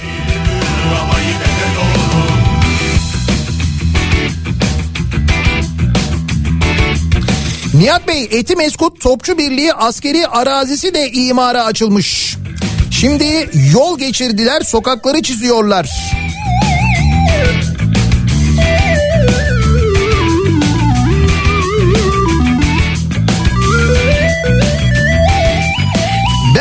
Belediyede yapı kontrol müdürlüğünde kontrol mühendisi olarak çalışıyorum diyor bir dinleyicimiz. İki katlı ruhsatlı binasının üzerine benim üç çocuğum var onlara ev yapmayacak mıyım diyerek kaçak kat olarak iki kat daha çıkan cahillerden ve buna göz yuman siyasi zihniyetten bıktım artık diyor.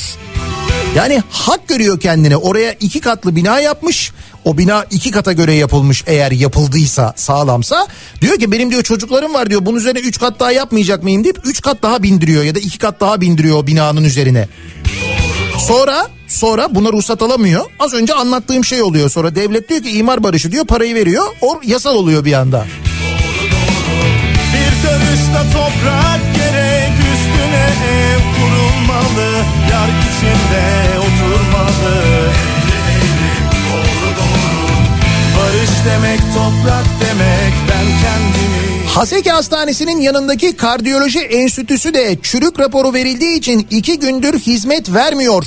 Birçok hasta bir haber eski randevusuna gelmek üzere çıkıp gelenler geri dönüyorlar. Fındıkzade'den bir dinleyicimiz yazmış. Haseki Hastanesi'nin yanındaki kardiyoloji enstitüsü binası boşaltılmış ve hizmet vermiyormuş artık. Deprem riski sebebiyle.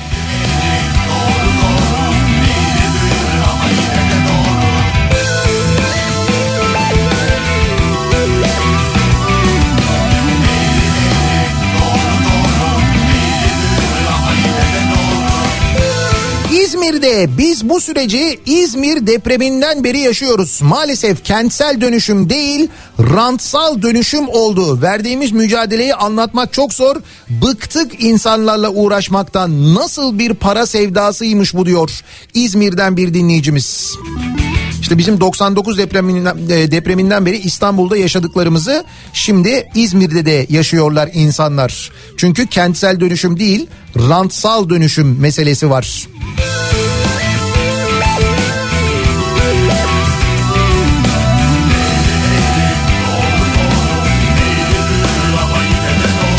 Alemdağ'da boşaltılan askeri alana konut yapılıyor şu anda.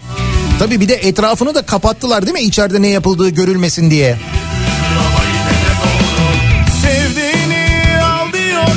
Liyakatsizlikten bıktım artık. İşini iyi yapan, örneğin Haluk Levent, Oğuzhan Uğur gibi insanlarla uğraşılmasından bıktım diyor Antalya'dan Veli.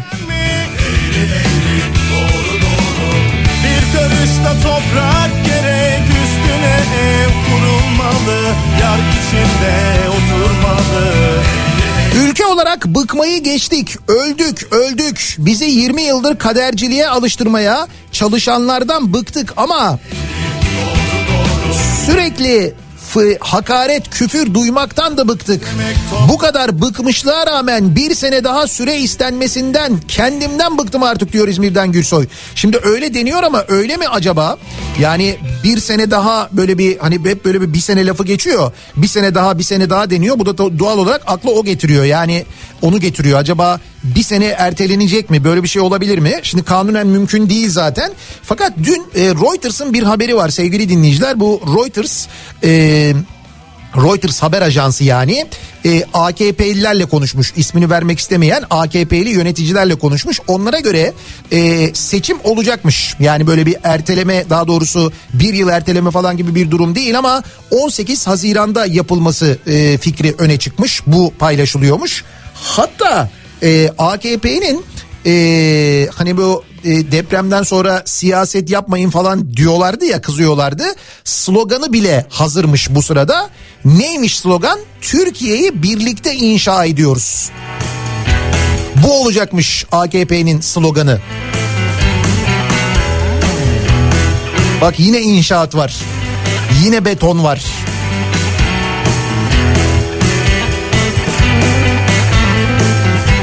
Türkiye'yi yeniden inşa ediyoruz. Öyle mi? Slogan bu mu olacakmış? Doyamadım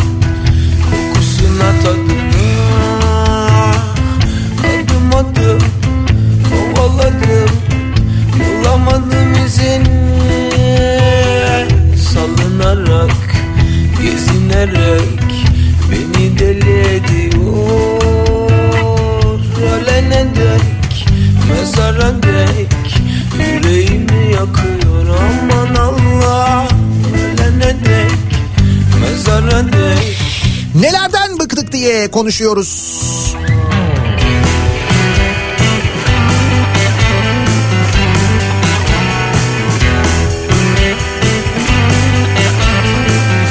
Para hırsının insan hayatının önüne geçmesinden eee, Kartal İmam Hatip Lisesi'nin iş konusunda ODTÜ'den daha iyi olmasından bıktım artık diyor bir dinleyicimiz. Gel benimle dolaş aman Allah Ölene dek mezara dek Abi az önce kamu bankalarının taşınmasından bahsettiniz İstanbul'a. Bırakın depremi 7-8 kamu bankasını dip dibe yapıp tek bölgeye taşımak hatadır. Bu yürek ediyor üzüyor. Aklımız ermez aman Allah ne ediyor. Gözlerini süzüyor. Bir gel İki üniversite mezunuyken ben il başkanlıklarından yaptıkları torpille çalıştığım hastaneye sürekli müdür olanlardan bıktım artık. Üniversite hastanelerinin siyasetle yönetilmesinden, maşa olarak kullanılan rektörlerden bıktım artık diyor dinleyicimiz. Şimdi acaba bu az önce konuştuğumuz Merkez Bankası meselesiyle alakalı bu deprem sonrasında ve İstanbul'un bu kadar riskli olmasından da dolayı acaba bu karardan vazgeçilir mi? Yani Merkez Bankası Ankara'da kalır mı? Hiç bu akla gelir mi? Şimdi burada yalnız kocaman bir bina yapıldı. O ne olacak? Depremzedelere tahsis edilse mesela. Olmaz değil mi? Okuyor Sevilemez Sarılamaz Yine seni arıyor Aman Allah. Ölene dek Mezara dek Yine seni arıyor. Ah kimin için atıyor bu yürek? Söyle kimin için atıyor bu yürek? Ne yapıp ediyor sevdiğini üzüyor. Aklımız ermez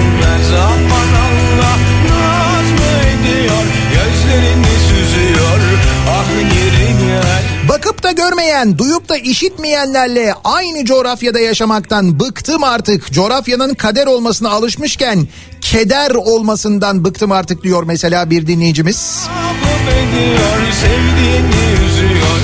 En iyi refleksimiz hafriyatmış meğerse. Bölgeye ilk gün giderken İstanbul'dan Hatay'a kadar kurtarma aracından çok kepçeler yoldaydı. Hep öteledik sağa solu yok itfaiyeyi öteledik. Hep masraf gözüyle baktık. Tabii tabii şimdi hafriyat çalışmaları tabii o sizin ilk gün gördükleriniz kurtarma çalışmaları için giden de muhtemelen iş makinalarıdır. Çok ihtiyaç vardı onlara. Fakat bu hafriyat çalışmalarının ne kadar hızlı yürütüldüğünü görmüşsünüzdür herhalde sizde. O da gerçekten de böyle büyük bir e, şey var yani büyük böyle bir araç parkı var. Belli ki bu konuyla alakalı çok yoğun bir şekilde e, şu anda hafriyat kaldırma çalışmaları yapılıyor. Ama biliyor musunuz o hafriyatların başında daha doğrusu o enkazların başında insanlar hala bekliyorlar. Çünkü e, deprem altında deprem sonrasında enkaz altında kalan yakınları var. Onların cenazelerini almak için o makineler çalışırken o cenazeleri parçalamasın diye insanlar hala enkaz başında bekliyorlar deprem bölgesinde. Böyle bir durum var yani. İşte Maalesef. Azar yemekten, hakaret işitmekten bıktım artık diyen var.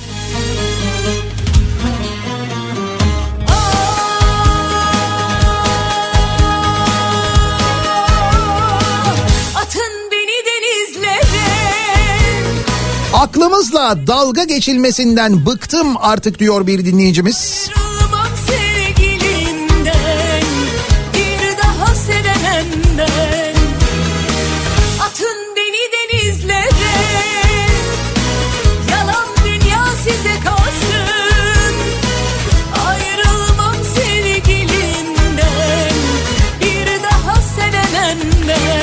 Cerrahpaşa arazisinde başka planlar var diyor bir dinleyicimiz. O öteden beri hep konuşuluyor. Halbuki Cerrahpaşa gibi bir noktada öyle bir tıp fakültesinin öyle bir hastane biriminin olmasının ne kadar mühim olduğunu ne kadar önemli olduğunu konuşuyoruz. Bir kere temelde zaten e, sağlık hizmetine e, kolay ulaşabilmek adına zaten orada olması doğru şehrin merkezinde olması doğru da böyle dağlara taşlara hastane yapmakla olmuyor o iş. Demin bahsettiğimiz kardiyoloji enstitüsü var ya Haseki'deki. İşte onunla ilgili bir başka dinleyicimiz de yazmış. Geçtiğimiz hafta binanın sağlıklı olmadığı gerekçesiyle bir günde boşaltıldı. Hastalar tahliye edildi. Olay binanın sağlıksız olması değil orada yıkılan büyük Haseki binasının yanındaki kalp enstitüsü binası planlara engel oluyordu. Oradaki en kıymetli hocaları açıkta bırakarak binayı boşalttılar. Avrupa yakasının en iyi en başarılı hocalarının olduğu yerdi kalp enstitüsü. Ve hocalara da sahip çıkmıyorlar şu anda diyor dinleyicimiz.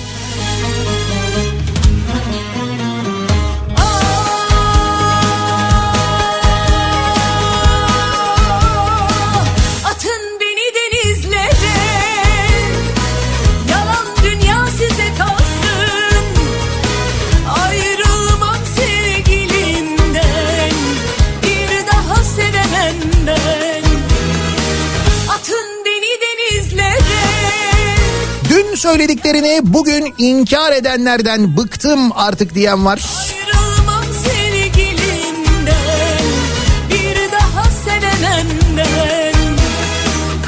Deniz manzaralı hastane olur mu? Deniz manzaralı rezidans olur diyor dinleyicimiz. Yıllarca Ha, o yüzden diyorsunuz Cerrahpaşa.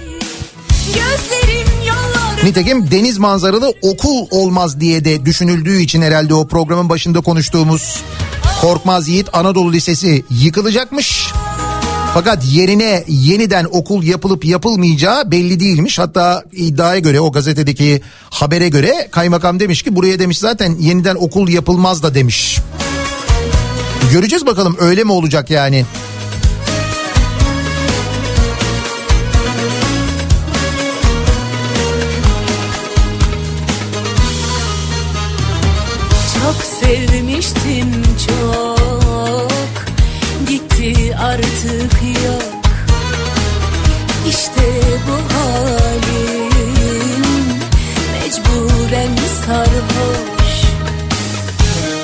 Akşam gergin yatıp sabah gergin uyanmaktan bıktım artık diyor mesela Eskişehir'den Ufuk göndermiş.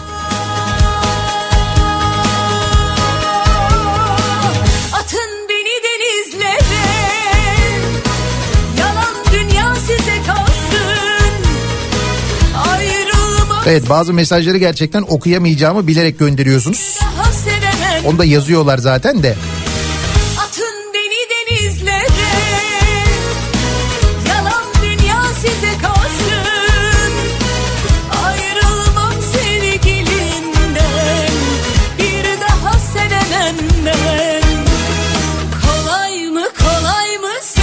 Gazeteci sıfatıyla iktidar ya da muhalefet parti komiserliği yapanlardan bıktım artık. Sadece habercilik yapmak bu kadar zor olmamalı. İnsanı mesleğinden soğuttular diyor bir gazeteci dinleyicimiz. Gazetecilik böyle bir şey miydi? Feren Şensoy'un Ferengi Şeyler oyununda vardır böyle bir gazeteci tiradı. Ondan bile beter hale gelmiş vaziyetteyiz. İşte Orada o sadece bu magazin konusuyla ilgili konuşuyordu. Şimdi magazin konusuyla ilgili falan değil. Genel olarak zaten durum böyle.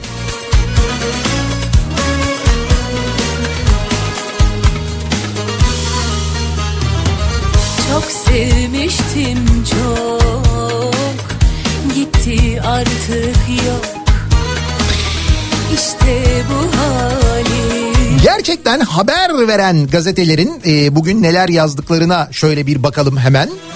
Mesela bugün Cumhuriyet Gazetesi gerçeğe sansür manşetiyle çıkmış. İşte biliyorsunuz aslına bakarsanız hani bu Twitter'ın e, bir dönem bu depremin ilk günlerinde kapatılması, yavaşlatılması o da sansürdü. Sansürden başka bir şey değildi aslında ve bunun farklı farklı yöntemleri var. Yayın durdurma ve para cezası haberini vermiş Cumhuriyet birinci sayfasında. Kahramanmaraş merkezi depremlerde yetersiz kalan Cumhur İttifakı yurttaşın feryadını duyurmak için haber yapanları hedefe koydu. Günlerdir gerçekleri yazan basına karşı not alıyoruz hesap sorulacak tehditleri sürüyor.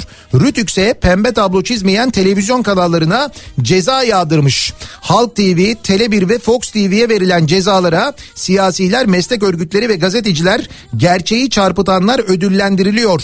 İzini sürenler susturuluyor tepkisi göstermiş. Kanal yöneticileri boyun eğmeyeceğiz demişler. Her gün yaklaşık 500 bin kişinin ziyaret ettiği Ekşi Sözlük sitesi de aynı zamanda erişime kapatılmış ki konuşmuştuk programın başında. Ekşi Sözlüğün de e, kapatıldığını aynı zamanda. Ee, yardım SMS'ine izin yok. İzmir Valiliği İzmir Büyükşehir Belediyesi'nin başlattığı bir kira bir yuva kampanyasına engel çıkarmış. Halk TV'deki canlı yayında bağış alınması için SMS gönderilmesine izin verilmemiş sevgili dinleyiciler. Programın başında uzun uzun konuştuk. Ben günlerdir aslında anlatıyorum bu bir kira bir yuva kampanyasını. Burada birebir depremzede ile siz yardım etmek isteyen olarak muhatap oluyorsunuz. Sizi bir araya getiriyor aslında bu sistem. Fakat dünkü o e, dayanışmada aslında işte insanlar SMS'le de katılabilsinler, bağış yapabilsinler ya da işte dayanışmaya katılabilsinler diye böyle bir niyetle izin başvurusunda bulunulmuş. İzmir Valiliği izin vermemiş.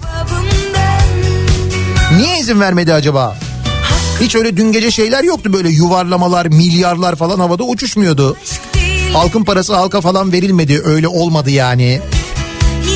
İnsanlar hep kendi ceplerinden verdiler. Kendi yövmiyelerini bağışladılar. İzlediniz mi bilmiyorum. Mesela bir belediye aradığında biz belediye olarak şu kadar veriyoruz şeklinde değil de dediler ki biz şahsımız adına belediye başkanları bağışta bulundular. Dediler ki mes ilçe belediyelerinden mesela orada çalışanlar bir günlük yövmiyelerini bağışladılar mesela. Dediler ki şu kadar tutuyor. Biz bir günlük kazandığımız parayı bağışlayacağız dediler mesela.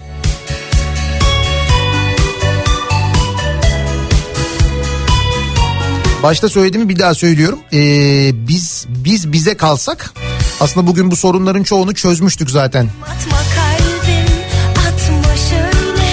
Bilim yaşatır haberi var. Bilim yaşatır başlığı var Cumhuriyet gazetesinde. Uzmanlar sağlam bina ve kentler nasıl yapılır sorusunu yanıtlamış. 11 ili etkileyen depremde bazı binalar sağlam kaldı. Uzmanlar mevzuata uygun yapılan binaların ağır hasar almayacağını söylemiş. Uzmanlar zemin tespiti, yönetmeliğe uygun proje ve denetim vurgusu yapmışlar aynı zamanda. Mevzuata uygun yapmazsanız ne oluyor? Hiçbir şey olmuyor. Barış oluyor. Af oluyor. Parayı yatırıyorsunuz. Mevzuata uygun hale geliyor.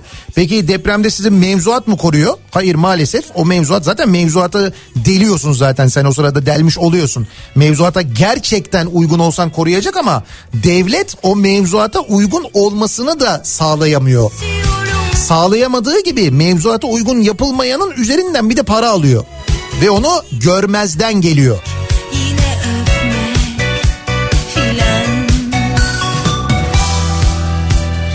İstanbul için yeni formül arayışı. İstanbul'da gündem güçlendirme. İstanbul Büyükşehir Belediyesi'nin İstanbul Yenileniyor kampanyasına başvurular rekor seviyeye gelmiş.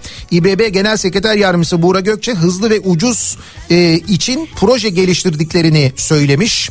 Şimdi tam da bununla alakalı bakın İstanbul'da güçlendirilmesi gereken yerler var. Tabii hani binalar e, falan var ama çok daha önemli mesela ulaşım altyapısı var. Depremde e, ulaşım altyapısı zarar görürse bir yerden bir yere gitmek mümkün olmazsa ne olacak?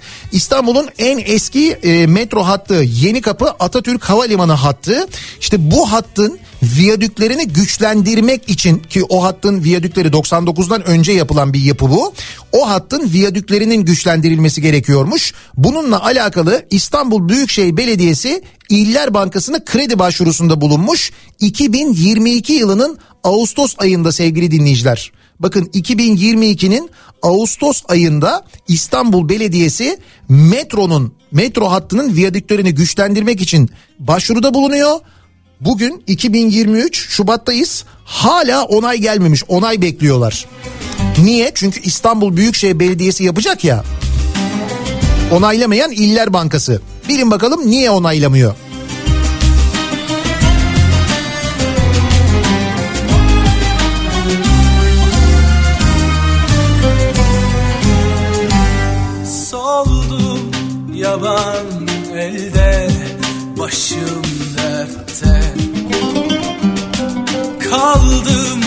Neden bilmem bir tuhaf yerde. Ah ben deli gibi dualara esir oldum. Ah duyulmadı sesim. Bir yandan mesajlar da gelmeye devam ediyor aynı zamanda. Bir de DASK mevzu var diyor dinleyicimiz. 80 metrekarelik eve verilecek bedel 241 bin lira.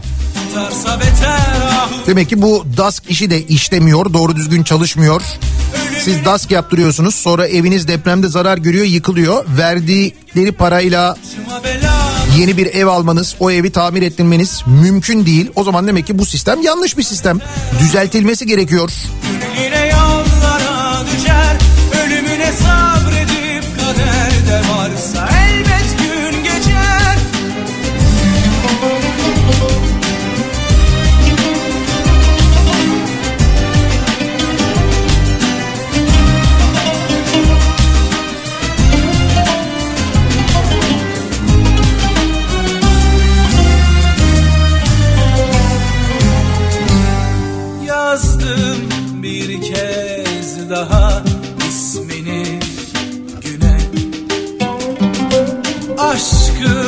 volkan olur akar.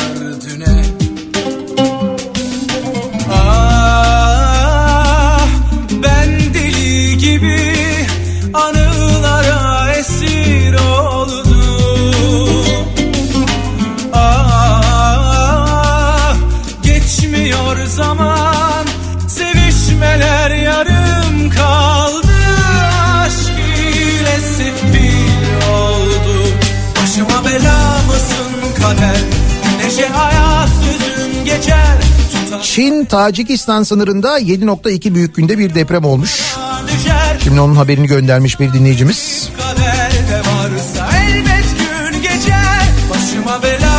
Muhalif yazarlara çizerlere yapılan baskılardan bıktım artık.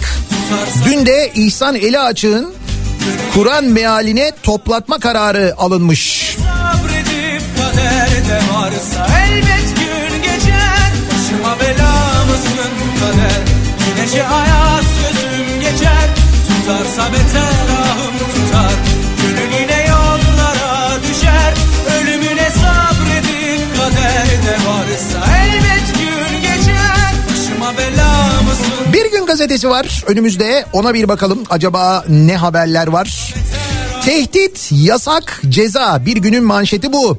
İktidar felaketteki sorumluluğunu, beceriksizliğini saklamak için baskının dozunu arttırdı. Sosyal medya dahil bütün iletişim kanallarını susturma telaşında diyor ki gerçekten de öyle oluyor. Farkında mısınız bilmiyorum tek tek oluyor. Belki siz haber almadan oluyor ama hakikaten böyle oluyor. İlk dakikadan itibaren parmak sallayıp hedef gösterdiler. Meclis kürsüsünden e, gazete e, manşetlerini okudular. Yetkililer ve yandaşlar sanatçıları, gazetecileri, sosyal medya fenomenlerini not ettik, deftere yazdık diye tehdit ediyorlar. Şovla ve kurguyla halk ikna olmadı. Bildikleri yolu deneyip Twitter'dan ekşi sözlüğe kadar her mecrayı yasaklama yoluna gittiler. Sosyal medyanın hayat kurtardığı deprem anında bile bant daraltması yöntemini kullanmaktan çekinmediler. Devasa iletişim olanaklarına rağmen gerçeklerin ortaya çıkmasını engelleyemeyen iktidar iletişim başkanlığı öncülüğünde troll ordusuyla savaş başlattı. Sonuç vermeyince elinde bulundurduğu kurumlarda medya kuruluşlarına ceza kesti diyor. Ee, bir gün gazetesi dün işte Rütü'nün verdiği cezaları kastediyor. İnanmam kimseye gözlerim yaşla doldu Tam olarak böyle oluyor aslında. Tam olarak şu anda duyulmasın, edilmesin, öğrenilmesin diye bir kontrol altına alma, durdurma e, çabası var aynı zamanda. Şifa değil dert olduğu haberi var yine bir günün birinci sayfasında. Depremde en güvenli noktalar olması gereken hastaneler iyi sınav veremedi. En az 15 hastane yıkıldı ya da kullanılamaz hale geldi. 6 Şubat Maraş, 20 Şubat Hatay merkezi depremlerde kamu ve özel hastanelerle aile sağlığı merkezleri ağır hasar almış ve kullanılamaz hale gelmiş. Bazıları da yıkılmış, enkaza dönmüş. Deprem sonrasında en az 15 hastanenin hasarlı olduğunu belirten Türk Tabipler Birliği 2. Başkanı Doçent Doktor Ali İhsan Ökten ülke genelindeki hastanelerle ilgili bir deprem çalışmasının olmadığını vurgulamış. Ökten en çok ihtiyaç duyulduğunda birçok hastane kullanılamadı demiş. İstanbul Tabip Odası Başkanı Profesör Doktor Nergis Erdoğansa şehir hastaneleri yapmakla uğraştılar ancak var olan hastaneleri yenilemediler, güçlendirmediler. Şehrin 15-20 kilometre dışındaki hastaneye zaten yıkılmış yollardan gitmiş insanlar nasıl ulaşacak diye konuşmuş. Tam da böyle oldu işte gördük hep beraber. Niye e, işte bu hastaneler yenilenmedi ya da güçlendirilmedi? Çünkü daha büyük inşaat yapmamız gerekiyordu bizim. Daha büyük inşaat, daha büyük para, daha büyük rant demek. Daha büyüğünü şehir hastanesi diye şehrin dışına yaptık. Aferin bize. Uluslararası Kızılaç ve Kızılay Dernekleri Federasyonu'nun raporunda deprem bölgesinde 1 milyon kişinin barınma sorunu yaşadığı, yardımların yetersiz olduğu belirtilmiş. Raporda 15 hastane ile Kızılay'ın 4 kan bankasının zarar gördüğü, havaalanı, otoyollar ve hastanelerin zarar görmesi sebebiyle ilk günlerde arama kurtarma çalışmalarının olumsuz etkilendiği belirtilmiş. Pek çok tespit varmış bu raporda. Şimdi tabii bu rapor içinde dış güçler diyecekler muhtemelen öyle söyleyecekler. Eee... Bakalım Diploma kiralanıyor, denetleyen sorunlu. Büyük deprem felaketi gözleri denetim denetimdeki skandallara çevirdi. Müteahhitleri denetleyen yapı denetim şirketleri ve laboratuvarların birçok testi yapmadan yapılmış gibi gösterdiği ifade ediliyor. Denetim şirketlerinin mühendis ve teknikerlerin diplomalarını kiraladığı da belirtiliyor. İnşaat Mühendisleri Odası Yönetim Kurulu Sekreter Üyesi Özel Akkuş sağlıklı denetim mekanizmasının kurulamadığını söylemiş. Demiş ki bu e, mekanizma denetleme mekanizması sağlıklı çalışmıyor. Bunu yeni baştan yapmak gerekiyor. Demek ki bunu da değiştirmek gerekiyor. Ve cennet araziler haraç mezat özelleştiriliyor haberi var. Bunlar da bir yandan yangından mal kaçırma durumu işte. E, kamu arazileri resmi gazetede e, yayınlanan kararlara göre Bodrum ve Sarıyer'de paha biçilemez araziler satılmış. İstanbul'un Gözde semti Kemerburgaz'da imar planı değişmiş. Ordu'dan e, Dersim'e kadar pek çok yerde de benzer kararlara imza atılmış. Aynı zamanda birçok yer satılıyor, özelleştiriliyor. Sahipsiz cenazeler haberi var ki fotoğraf gerçekten çok dramatik bir fotoğraf. Hatay'da kimliği belirlenemeyen ve yakını bulunamayan cenazeler merkezden 20 dakika uzaklıktaki Narlıdere'deki toplu mezara defnediliyor. Buradaki toplu mezarda 4000'den fazla cenaze var. DNA, parmak izi ve fotoğrafları alınan cenazelerin defnedildiği mezar kayıt altına alınıyor. Adli tıp uzmanı günde 10 cenaze getirildiğini söylemiş. Anne ve babasını bulmak için DNA örneği veren Suriyeli Betül Haşişo başka akrabalarının mezarını buluyor. Cenazelerinizi başka yere nakledecek misiniz diye sorduğum eşi Yusuf Demirel nereye götürelim kalacak burada toprak aynı toprak diyor demiş. Havva Gümüşkaya Bir Gün Gazetesi'ndeki haberinde sevgili dinleyiciler. İstanbul'la ilgili bir haber var. 6 Şubat'ta yaşanan deprem felaketinin ardından 60 bin bina sahibi İstanbul Büyükşehir Belediyesi'ne başvurmuş ve binalarının depreme dayanıklılığını test ettirmek istemiş. Ee, Buğra Gökçe demiş ki riskli binalarda ev sahibinden fazla kiracılar ve kentin yoksulları oturuyor demiş. 10 bin kişinin ölümle burun buruna yaşadığını söylemiş İstanbul'da. Bakalım Marmara ile ilgili İstanbul'la ilgili e, bir seferberliğe dönüşecek mi bu yaşadıklarımız? Onu da hep beraber göreceğiz önümüzdeki günlerde. Bir de Sözcü gazetesine bakalım. Sözcünün birinci sayfasına bakalım. Büyük felaketin merkezi Beştepe'dir başlığı. Meral Akşener'in dünkü açıklamaları bugün Sözcü'nün manşetinde. Akşener kaderde Doğal afetler var ama devletin kurumlarını felç edip felakete davetiye çıkartan bu ucube tek adam sistemidir demiş ve eklemiş. Bu depremde yapı denetim sisteminin işlemediği gerçeğiyle rant sevdasının, hırsızlığın, yolsuzluğun acı reçetesiyle yüzleştik. Çıkarılan imar aflarının çözüm değil ölüm fermanı olduğuyla yüzleştik. Tedbirsizlikle, iş bilmezlikle, liyakatsizle yüzleştik. Kendi beceriksizliğini kader planı diyerek perdeleyemezsin Sayın Erdoğan. Bu afetin felaketle sonuçlanmasının sorumlusu Sayın Erdoğan'dır. Liyakatsiz ellerin neden olduğu büyük felaketin merkezi Beştepe'dir. Yabancıya konut satılması durdurulmalıdır demiş Meral Akşener dünkü grup toplantısında. Yerel yönetimler olmasaydı tablo çok daha vahim olurdu demiş. Bunu da Kılıçdaroğlu söylemiş. Ee, belediye başkanları ile Büyükşehir Belediye Başkanları ile Hatay'ın Defne ilçesine gitmiş dün. Kılıçdaroğlu çadır kentleri dolaşmış, halkın sorunlarını dinlemiş. Türkiye'nin dört bir yanından yerel yönetimlerin olağanüstü hizmetleri oldu demiş. AKP'li yönetici sağlam villasının bahçesine AFAD çadırı kurdurdu haberi de yine Sözcü gazetesinin birinci sayfasında sevgili dinleyiciler demin bahsetmiştik. Binlerce depremzede çadır olmadığı için soğukta sokaklarda sabahlarken hatta çadır olmadığı için hasarlı evlerine girmek zorunda kalıp ikinci depremi bu Hatay depremini yaşayan insanlar var. İşte bunlar yaşanırken AKP'liler kolayca çadıra ulaşabiliyor. Çünkü burada da torpil dönüyor. Şanlıurfa Karaköprü AKP ilçe başkanlığı yöneticisi Sertaç Kaya'nın hasarsız villasının bahçesine AFAD çadırı kurulmuş sevgili dinleyiciler. Bir fotoğraf var ki fotoğrafı görünce siz yani böyle fotoğrafa bakan olarak gerçekten utanıyorsunuz. Ben baktığımda benim yüzüm kızardı. Ben utandım. Ee, tepkiler gelince bu çadırı jandarma gelmiş oradan kaldırmış. Hatay'dan büyük göç haberi var. Her köşedeki enkazlar ve ihtiyaçlara erişim zorluğu sebebiyle yaşanan travmayı atlatamayan depremzedeler başka kentlere göç ediyorlarmış. Hatay'da büyük bir göç hareketi varmış aynı zamanda. E, depremlerde 100 askerin şehit olduğu haberi Savunma Bakanı tarafından açıklanmış. Savunma Bakanı Hulusi Akar 6 Şubat'taki depremlerde 100 askerimizin şehit olduğunu söylemiş. Bir üst teğmen ve bir az teğmen de aranıyormuş. Depremde GSM operatörlerinin ardından elektrik dağıtım şirketleri de sınıfta kalmış. Yeteri kadar jeneratörleri olmadığı için bölgeyi karanlıkta bıraktılar diyor sözcü. Bir de tabii elektrik sıkıntısı yaşandı çok büyük. Bir de şu Bolu'da yaşanan hadise sevgili dinleyiciler. Erdoğan için Rabbim ömrümden alıp ona versin diyen Bolu AKP meclis üyesi Hacer Çınar e, Başkan Özcan'a su şişesi fırlatmış. Muhtemelen o görüntüleri izlemişsinizdir ama bu su şişesini fırlatıp pisliksin diye bağıran Hacer Çınar'ın e, geçmişini bir incelemenizi öneririm. Yani kendisinin e, işte böyle hangi devlet kurumunda başladığını, nereden nereye nasıl geldiğini, oraya nasıl meclis üyesi olduğunu falan böyle birazcık bir e, araştırma yapınca zaten e, Google'a yazınca bile görüyorsunuz o haberleri. E, o haberlere bakınca aslına bakarsanız çok daha net bir şekilde anlıyorsunuz.